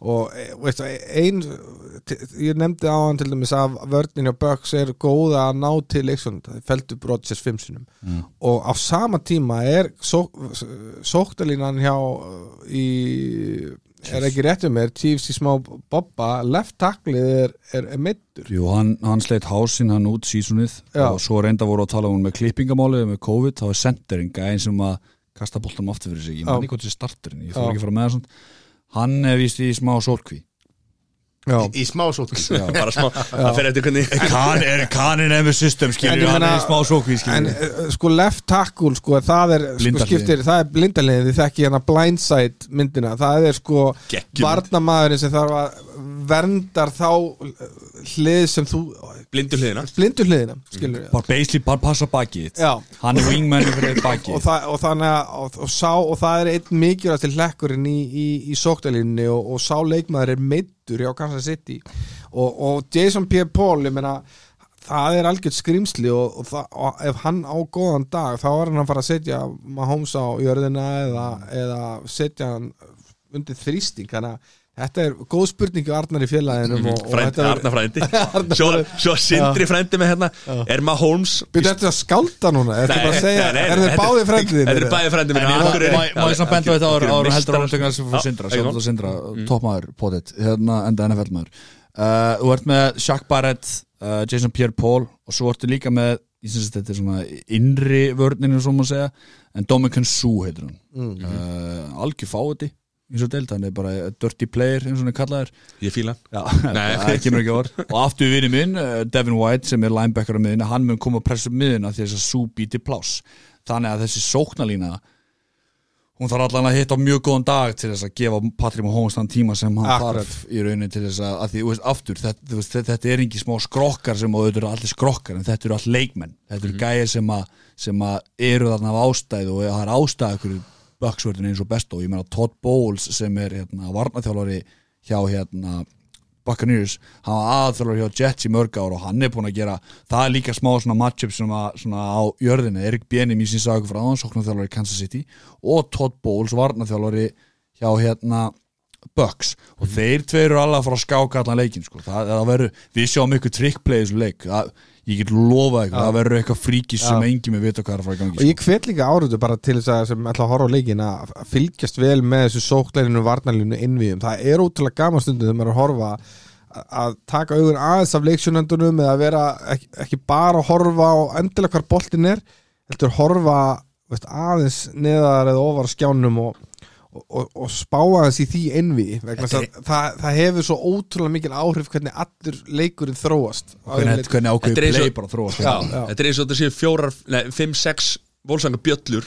Þetta er bara go-kart skilju það er bara þannig. Og þetta er- eru bara, þetta eru kannski bara þrjá fjóra sekundur en það gerist svo mikið á þessum Já. þrjá fjóra sekundum og það eru gæjar sem eru að sprengja sig upp hæra með við, við sóknuleg mann sem er að reyna hún frá að þeir alltaf með ekki grípi hann. Þeir vera mm. ídónum frá sem er náttúrulega galnast að vita að veist.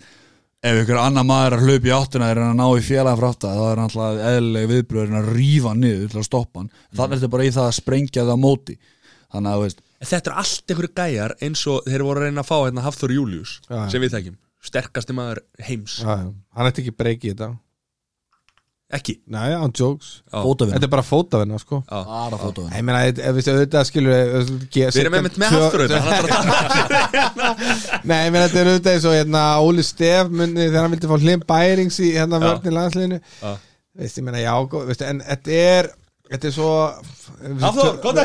Við tölum um talentúli ég meina, það er veist, og eins og annað, ég meina veist, það eru fullt af gæjum sem eru stórir og feitir og sterkir í bandaríkjum, sko. Já, takk Nei, nei, já, í bandarækjum En sko, ég, ég sko að, var reyna að koma þessu áðan að því vorum að tala um þessi, þá vorum við að tala um þessi kerfi sko, hvort það væri 1, 2 eða 3 Já, möguleiki, eða 4 já, á úttermi En af, af hverju fer það rosalega í töðunar mér? Þegar menn reyna hvað eftir annað að taka hlaupaleið í gegnum miðjuna og það virðist aldrei takast. Já, já, það er þú ekki búin að sjá það nú oft að það er gjössalega marg borgars oft á tím. Að því ma- oft á tíðum að þarftu bara að lulla upp nokkra hjarta en hugsa, hu- annað líki í þessu því lengur sem þú heldur vörninu á vellinum því þreyttari verður hún. Það er oft, oft talað um það. Í Já, þriða menn segja fjóra- þre- í þriða fjóruleiklut oft í leikjum þá er vörnin oft í fjóruleiklut oft vörnin bara búin því. Það er ofta þess að þá kom ofta shootout sko, í fjóruleikluta crunch time eins og ég vil að kalla það. Það er kannski líka það að, að, að þreita upp fremstu menn. Mér finnst alltaf samt sko mínus tverjartar eða auðvitað þegar og, menn reyna að að- fara beint í gegn sko. Þetta er líka, þetta er góð, ég man alveg því þegar ég var að, þegar ég var að horfa fyrst að segja, bara akkur kastar ekki bara alltaf? Mér finnst þeir einhvern veginn ná oftar veist, jördum þannig að ná me- meiri framgangi. En sko þe- þetta þetta er alltaf líka ákveði svona, þetta er skák á milli sóknar og varnar.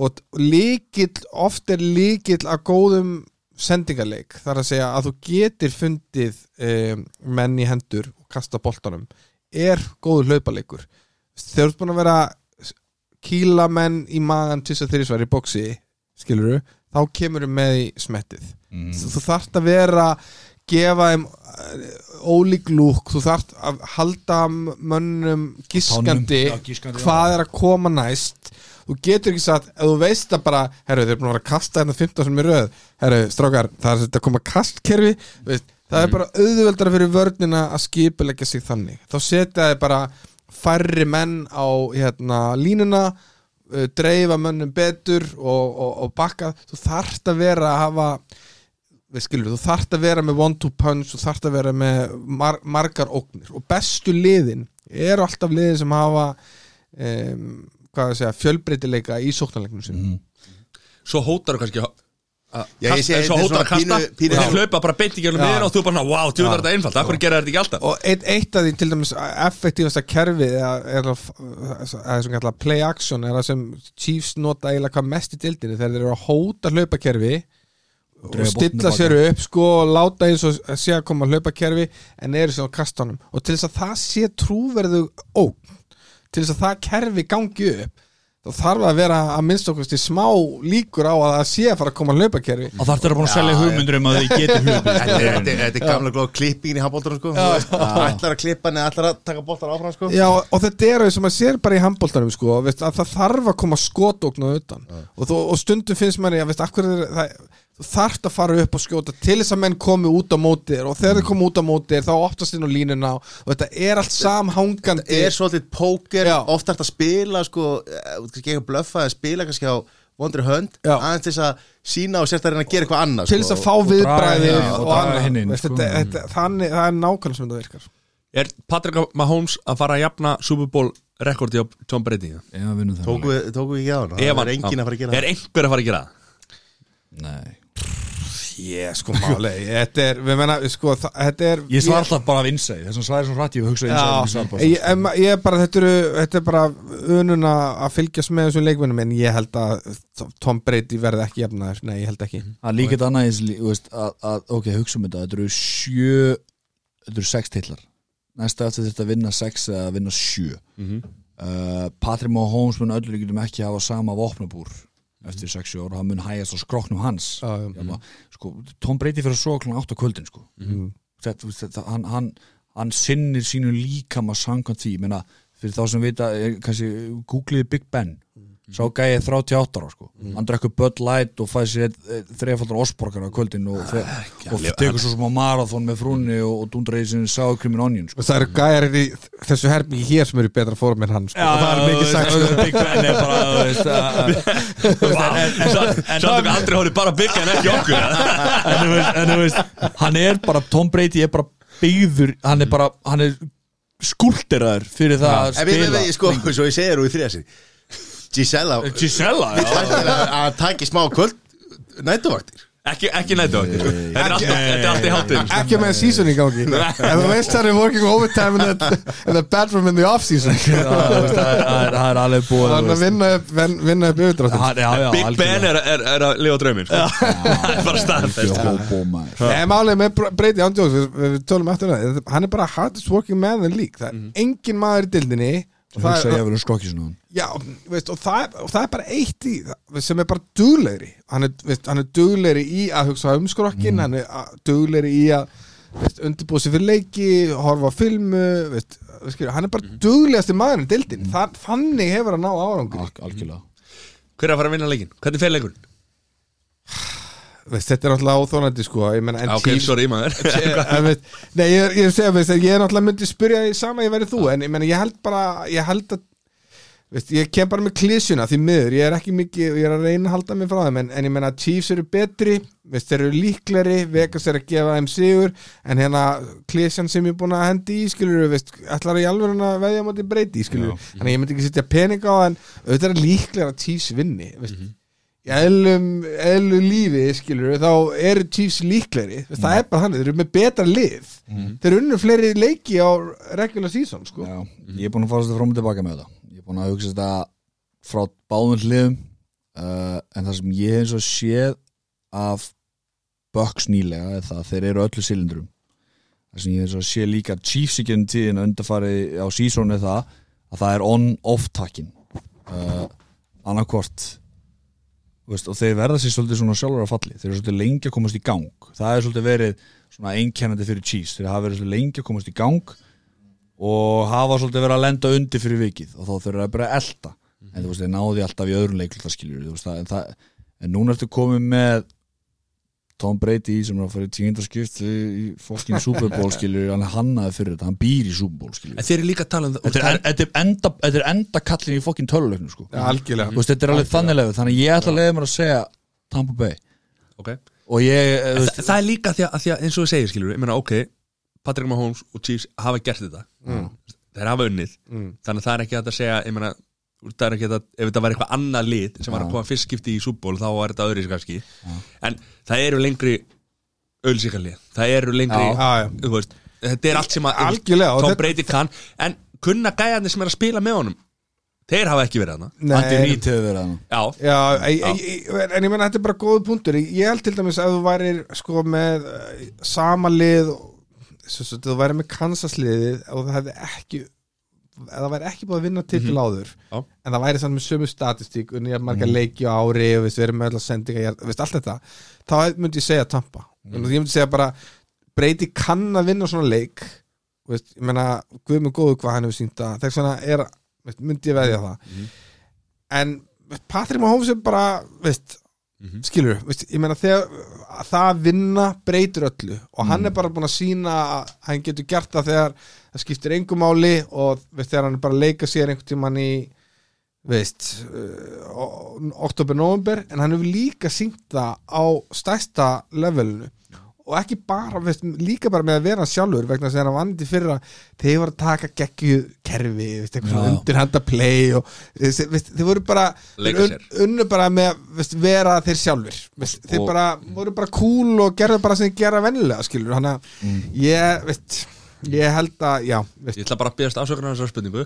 En hérna Nei, samt sagan segir samt að Andy Reid sé með sérstætt playbook bara fyrir þennan leik. Ok. sem að þeir eru búin að vera með tilbúinu og eru bara búin að æfa og þeir munu nota það, það segir sagan. En það, aftur með Tampa Bay að verður vörnin og Chiefs sem verðum að falli. Að verður ekki Patrick Mahomes og sóknir. Nei, akkurat. Aftur, þetta eru tvö mismundi lið. Einmitt. að verður vörnin á móti breyti og ég er alveg að, þú veist, ég ég segi, ég er kannski, ég eh, má segja ég sé kannski búin að draga smá efa á breyti í þessu þætti ég, ég þú veist, maður verður svona bara virðingu fyrir Super Bowl fyrir party.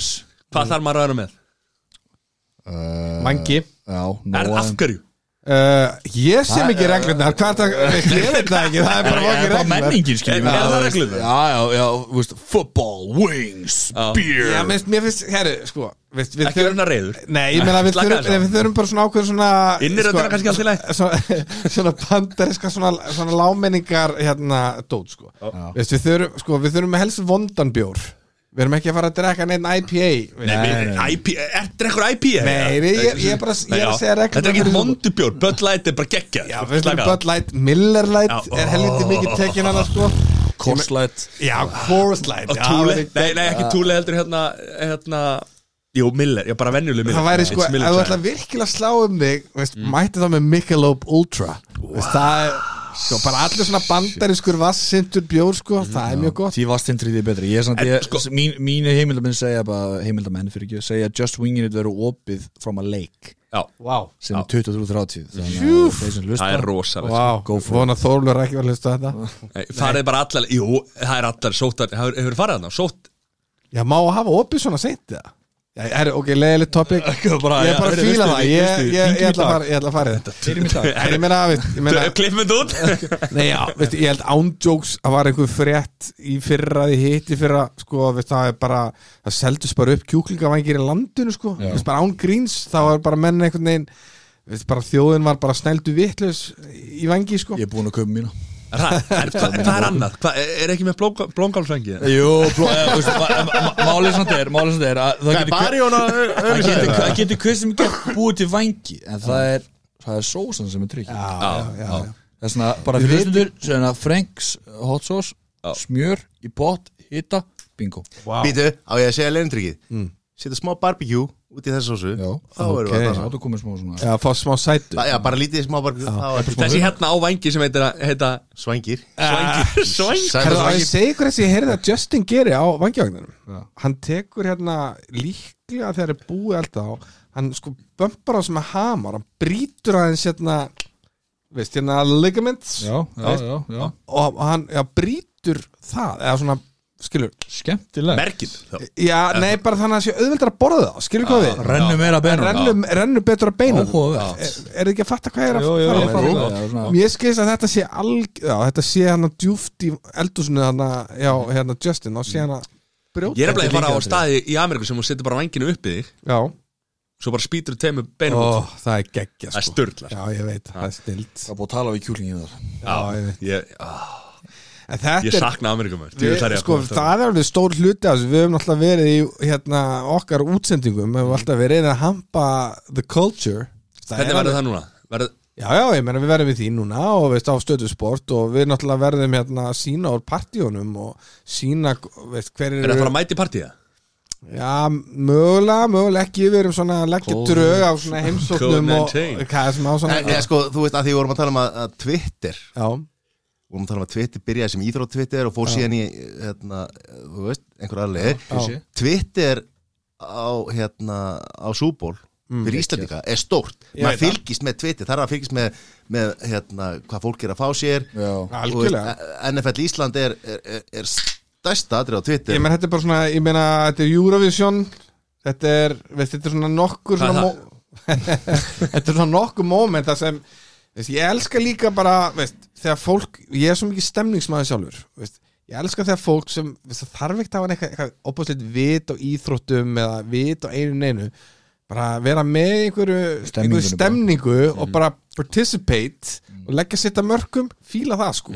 Líka sko og mjög, marg, mjög margir sem hafa verið í því undanfæran ár bara veit, henda bara einhverja eitthvað good shit vangjavislu og posta mynd hashtag NFL Ísland. Það er bara geggjað. Og Sæþór erum frí á mándaginn Það er staðfest. Taktískt maður, ég að mæta átta í skólan það er svo það er. Ég hérna, já, annað líka sem sko við, hjá okkur bara í podcastinu shout out tíðarannir við höfum séð mikla trafík bara núna í vetur bara á hashtag NFL Ísland á Twitter. Já. miklu meiri svona að, þetta er alveg að vaksa á Íslandingin sko, að horfa á NFL og sérstaklega á súból skilur, ég er að það nenni ekki ég nenni rosa lítið tvítum sem segja, tala um að geitin, hvað bjóst eitthvað við ykkur öðru frá breyti, að geitin mynda svona fokkin geitum og hann með ringana sína hann að giffið það er eina sem ég nenni ekki sko en Það er ekki hægt að ég veit að ég, ég veit Það að er ég- það sem er svo vont, sko. að- að- mér, mér, mér er bara ekki sama er geggjaður. segir það mér er ekki sama hver segir það sko.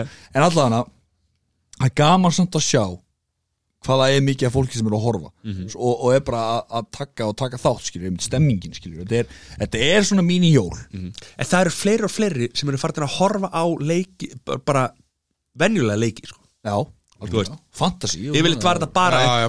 Ég er samt sjálfur komið svolítið á þann vak sko, að, veistu, mér finnst veist, ég er mikill United maður. Veistu, ég er alveg veist, og- og- finnst minna skemmtilegt að horfa á svona regular season leiki veist.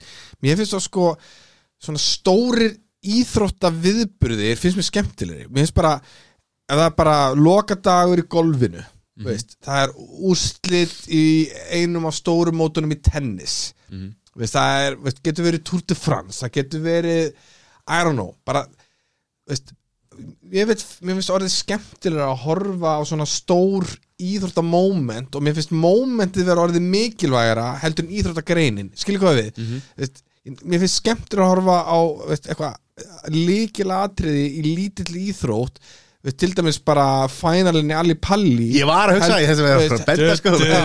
Ali Pali heldur, en kannski United viðst ég er harður United maður sko. Já. mér finnst eiginlega skemmtilega að horfa úsleikin Ali Palli heldur en United Southampton á miðgudegi Það skilur hvað við 9-0 á já, fór 9-0 9-0 Ertu að djóka?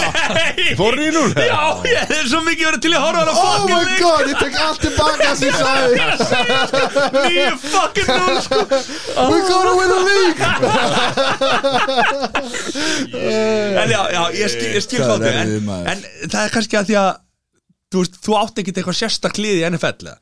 Nei, ég raun og veru ekki sko Nei, nei, þú veist, þannig að þá, þá skil En ég, ég skil ná En, ég, en, en, en, en, en sko, að það, ég tengi þetta líka svo við er vegna þess að eftir að svona second screeni datt inn og, og þess, það er svona bransatalum að vera bara, bara á svo Twitter á meðan maður er að horfa Já. að eftir að það datt inn þá elskar maður þessi stóru moment ég getur að, mynd vera, hvað þessi pílan eða hérna, opna ástralska eða eitthvað að vera að horfa og opna ástralska mm -hmm. úrslutaleik í beinni er það er svo geðveitt það er svo, það er bara er svo mikið dramatík og svo mikið undir. Íþróttakarinni sjálf eða hvað þú veist um hana skiptir þetta öllu máli, bara ef þú skilur hvað er undir og bara smá skilja aðeins leikreglunar Já, já, auðvitað, ég, ég, auðvitað, ég, veist, við erum að, veist, ég er alveg, alveg þar, sko, Mhm. og þú ætti að þekkja, veist, bara svona what's at stake, Mhm. Það er það sem ég er, er byrjað að fíla miklu, miklu meira og, og ég sæki miklu, miklu meira í það og ég held að fólk sé gera það almennt, tekst þannig að pílan er ógstlega gott dæmi, fólk veit ekkert um pílu, annars skoðin hafi það. Þetta er einföld, Þetta er bara, en ég meina, en þú skilur dramatíkina. Þú veist alveg veist, hvenar time er og hvenar þú þart að ná í toppinn og allt þetta dæmi og, og, og þú sérð vombriðin í augun á, á, á gæjanum sem þegar að, kli- veist, allt þetta, veist, ég er bara I love it, sko, þannig að Super Bowl bara don't miss it, þess að það verður ekki dramatískar en það, sko. Og Ég elska líka þú fær sko þetta verður ekki eins og Rams og móti Patriots sinum árið. Með tvær high scoring sóknir þetta verður Þetta sturlaður vonandi shootout. Þú ert með, þú ert með hérna fyrir vikaða fyrir, þú ert með geitina og þú ert með næstu geit. Kýðlingin, Já, kýlingin, já, já það er góð lýsing. Kýðlingin og geitin. En hvað, næsta, næsta uh, förum örlíti í næsta tímabil. Er Miami bara að fara að skýta á sig áttur eða? Nei, skýta, við fórum nú 10-6 Já, lélega sann sko. Nei, nei, en hvað gerir svona stímuli? Ég, ve- ég, veist, veistu? Ég veit það ekki. Nei. Þessi deildi er bara svo mikið hap og glapp stundum. Ætli Cheese fari ekki bara aftur í, í Súból Hefur ekki bara segja það. Er Við það segja ekki, bara þegar ár á tölu aftur en Cheese Gerði breyti eins og samning við ára. Öksa, tekja, þannig að það verður á næsta ári. Jep. 95 ára úr en, en reyndar, næsta ári verður mér áhört að sjá því að það verður svo mikið leiksnum sem að hætta og verður að færa svona set þannig að verður miklu svona breytingar á liðum. Brís, Drew Brís, ekki áfram. Mm. líklegast. Já, ég meina, sko, ég meina ef þið eru þetta er ekkert flóki, ég meina ef þið peningum fyrir skaman að veðja, þá myndi ég veðja því að, að það og þá ættu þið að veðja á það að Chiefs veði aftur meistar áriliðinu, eða sem- vinni súból eftir eitt ár. Ég meina það er, það er ég get veðbankarnir sína það. Ég meina það er, það er svona einn af, það er ekki margir fastar í í NFL-deildinu og hvað er svona svona cycles, hvað er íslenskt orðið svona Ring, Ringrás Hringrás, já. Að sko lið eiga oftar en ekki NFL svona stittri góð tímabil. Jep. veist, veist, það, það ná st- veist, góðu einsás tímabil er, er, er, er erfitt en að ná því 2-3 á það er mjög fá lið sem ná svona að viðhalda árangri. Þetta er mjög, það er bara liður að koma að fara, það eru einstaka leið við Steelers, Patriots í gennum tíðina sem hafa svona verið svona consistently good. Dynasties. Já, en almennt séð er mjög erfitt að vera góður lengi út af því að bara eins og við höfum talað um triljónsinnum í þessu podcasti, það er bara svo margir partar sem þú hægt að halda í lægið og svo, svo margt sem getur farið úrskeiðis. En hérna, þannig að en Chiefs er með, er með veist, myndi ég segja, þeir eru er á toppnum á ringgekinu sinni Já, og, og, og, og við, við myndi halda það, ég meina við, Tyreek, Travis og Pat Mahomes er að fara að vera þetta á næsta ári og veist, veist, það er bara nóg sko, Já. sem vera Chiefs og Vikings í úrslit ok, ég, ég þarf ekki að með það uh, bara rétt árum við klárum þetta. Hvernig er að fara baseball-leik uh, Mér finnst það geðvægt af hverju, Hva, kanntu leikina? Auðvitað, þið- sko, ekki halda þetta, veist Mahomes hefði náttúrulega geta orðið ábyrðar baseball leikmaður að baseball er það. náttúrulega bara eins og kíló. En sko, auðvitað og ég hef stundum sko, ef þú veist ekkert hvað er í gangi Mhm. og þú skilur ekki matchupin sem eru að gera stjafnóðum og þú heldur að þetta sé bara ennit gæi og slás og text og svo kemur að veist, þá náttúrulega er þetta mjög leðilegt en ég hef líka tekið sem dæmi veist, ef þú ert að margir af mest spennandi fótbollaleikjum sem ég hef séð hafa endað 0-0 eða 0-1 þýtti það að það gerðist ekkert í leiknum? Veist, auðvitað ekki. Fíl, það var, það er bara, hann var löðrandi dramatík í 90 mínútur, það var svo margt sem gerðist. Ástæðan fyrir að þú uh, var skemmtileg fyrir að þú skilur núansana sem eru að eiga sér stað þarna, aftur, aftur, Það var, aftur. það var Logi Ólason sem að kvótaði þetta á sínum tíma í beinni útsendingu þegar hann sagði í leik Barcelona einhvers og það var þvílíkt mikið að gerast og, og mikið að tækja verum engi mörg og hann sagði þetta er svo kynlíf án fullnæðingar. En ég meina, mér finnst sko að baseball geðveik íþrótt. Og ég, ég meina, margir af mest spennandi íþróttaleikjum sem ég sé á æfinni eru baseballleikir, meðan að sko Game 7 í það World það Series sem, 150 sem endaði leikir 12 og- innings og fylgistu með þessu alveg? Já, já, já. hvað tekur svona leikur langa tíma. Þa, það er nú eitt vandamál við það. Þetta er náttúrulega eini, eina íþróttina af þeim allra stóru sem hefur ekki leikklukku.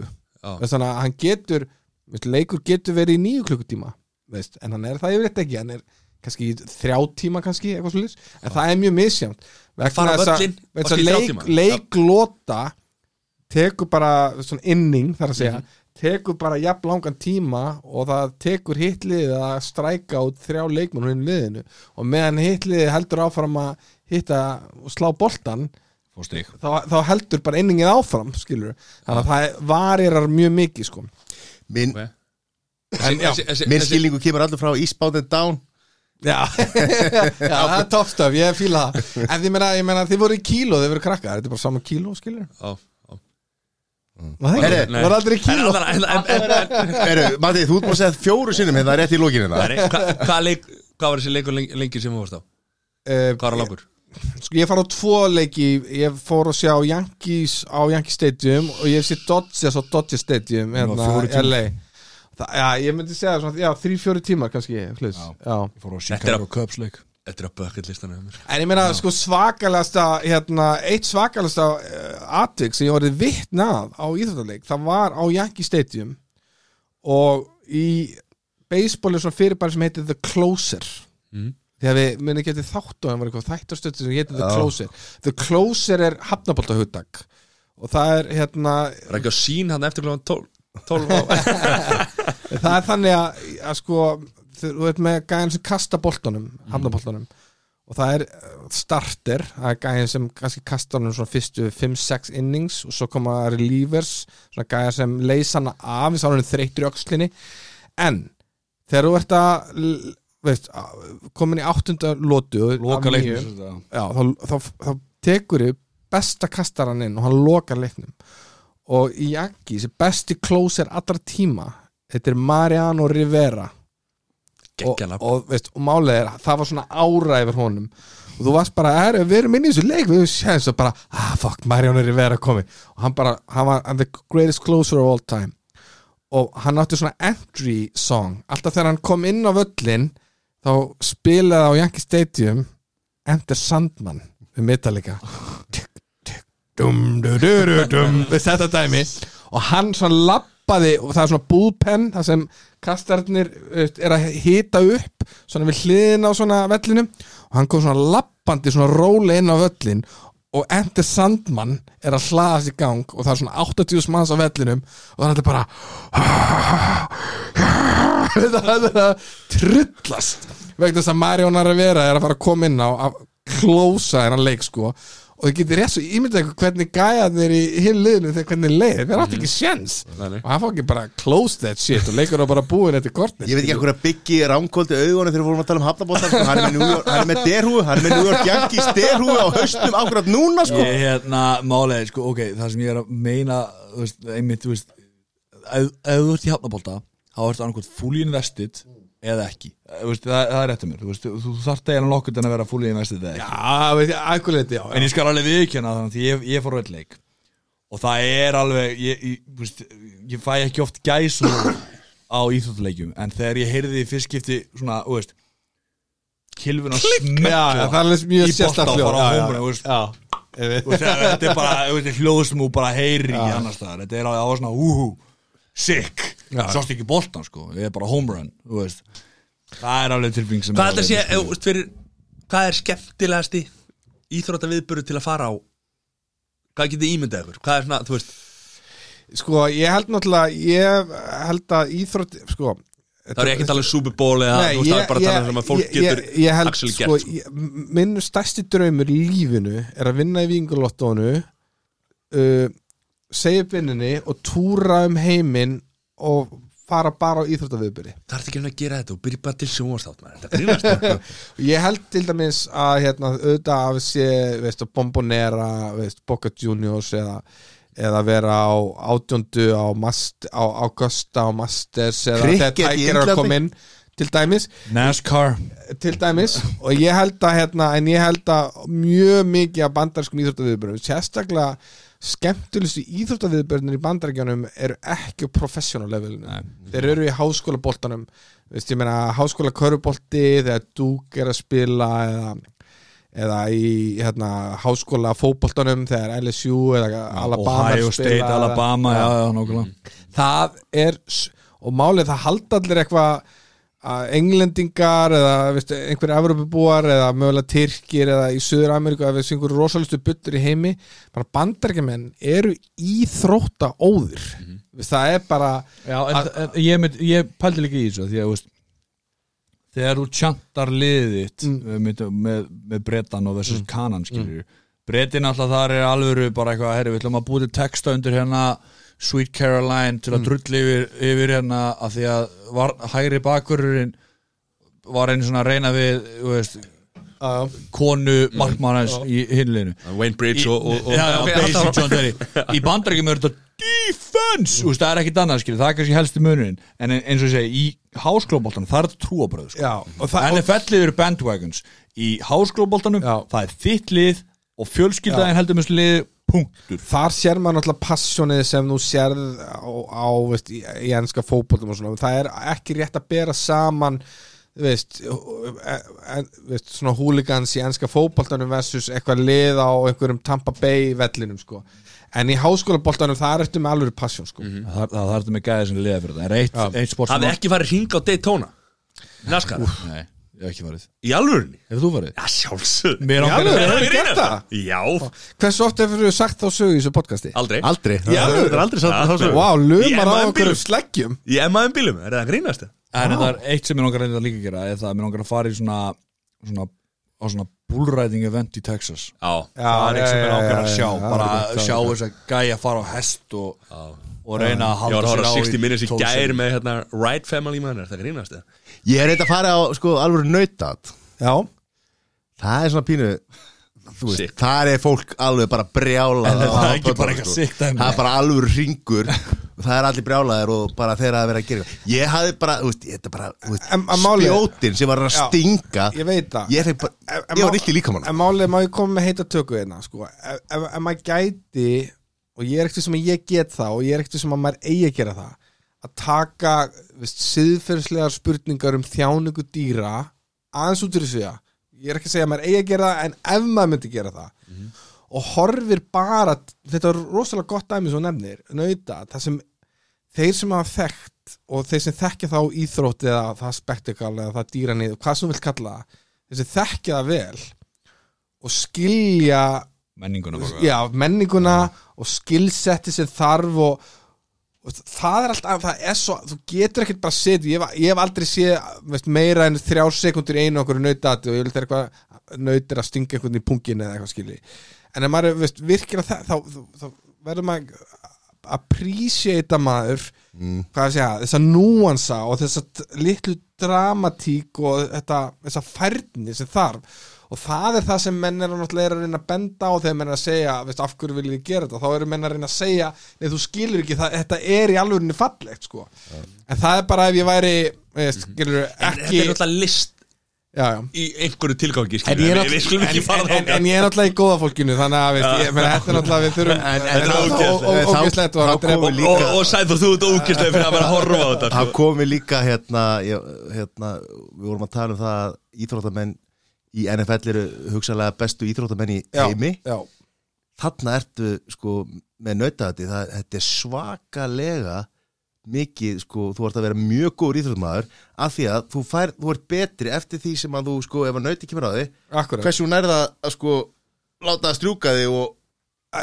akkurat. Og það er og fá, sko, þú ert ekki að fá eitthvað naut í, í NFL, sko, þú ert að fá alvöru naut með hot. Og, og beint frá á, þér, sko. áhörfundur þarna eru engir vitlisingar þeir eru ekkert komnir þarna til þess að horfa eitthvað dýr þjást eða drepast. Þeir eru að horfa á þetta innvi og sjá hvernig nautabannin glýmir við þetta og hversu vel hann næra Já. skilur og þeir fagna fyrir því en ekki við þjá, þjá veist, Já, þetta já, ég- ég er alveg sammála, ég er alveg sammála. Þetta fór í á þetta, er hérna. við umræðan en eins og ég bara í öllu, hvað sem við erum að tala um baseball eða skíðaskotsum eða curling ef þú veist að kanta bara appreciata fegurðina í því að vera svo ógeðslega góður í einhverju að það er fárönd, muni ekki að var eitt svona vídeo sem fór væral á Twitter í síðasta vetur eða vetur eitthvað það er svona, það er svona íþrótt í Breitland það er, það náttúrulega svona boccia þeir kasta svona bolta og hann læri að kasta bolta og hann rullar svona fára lengi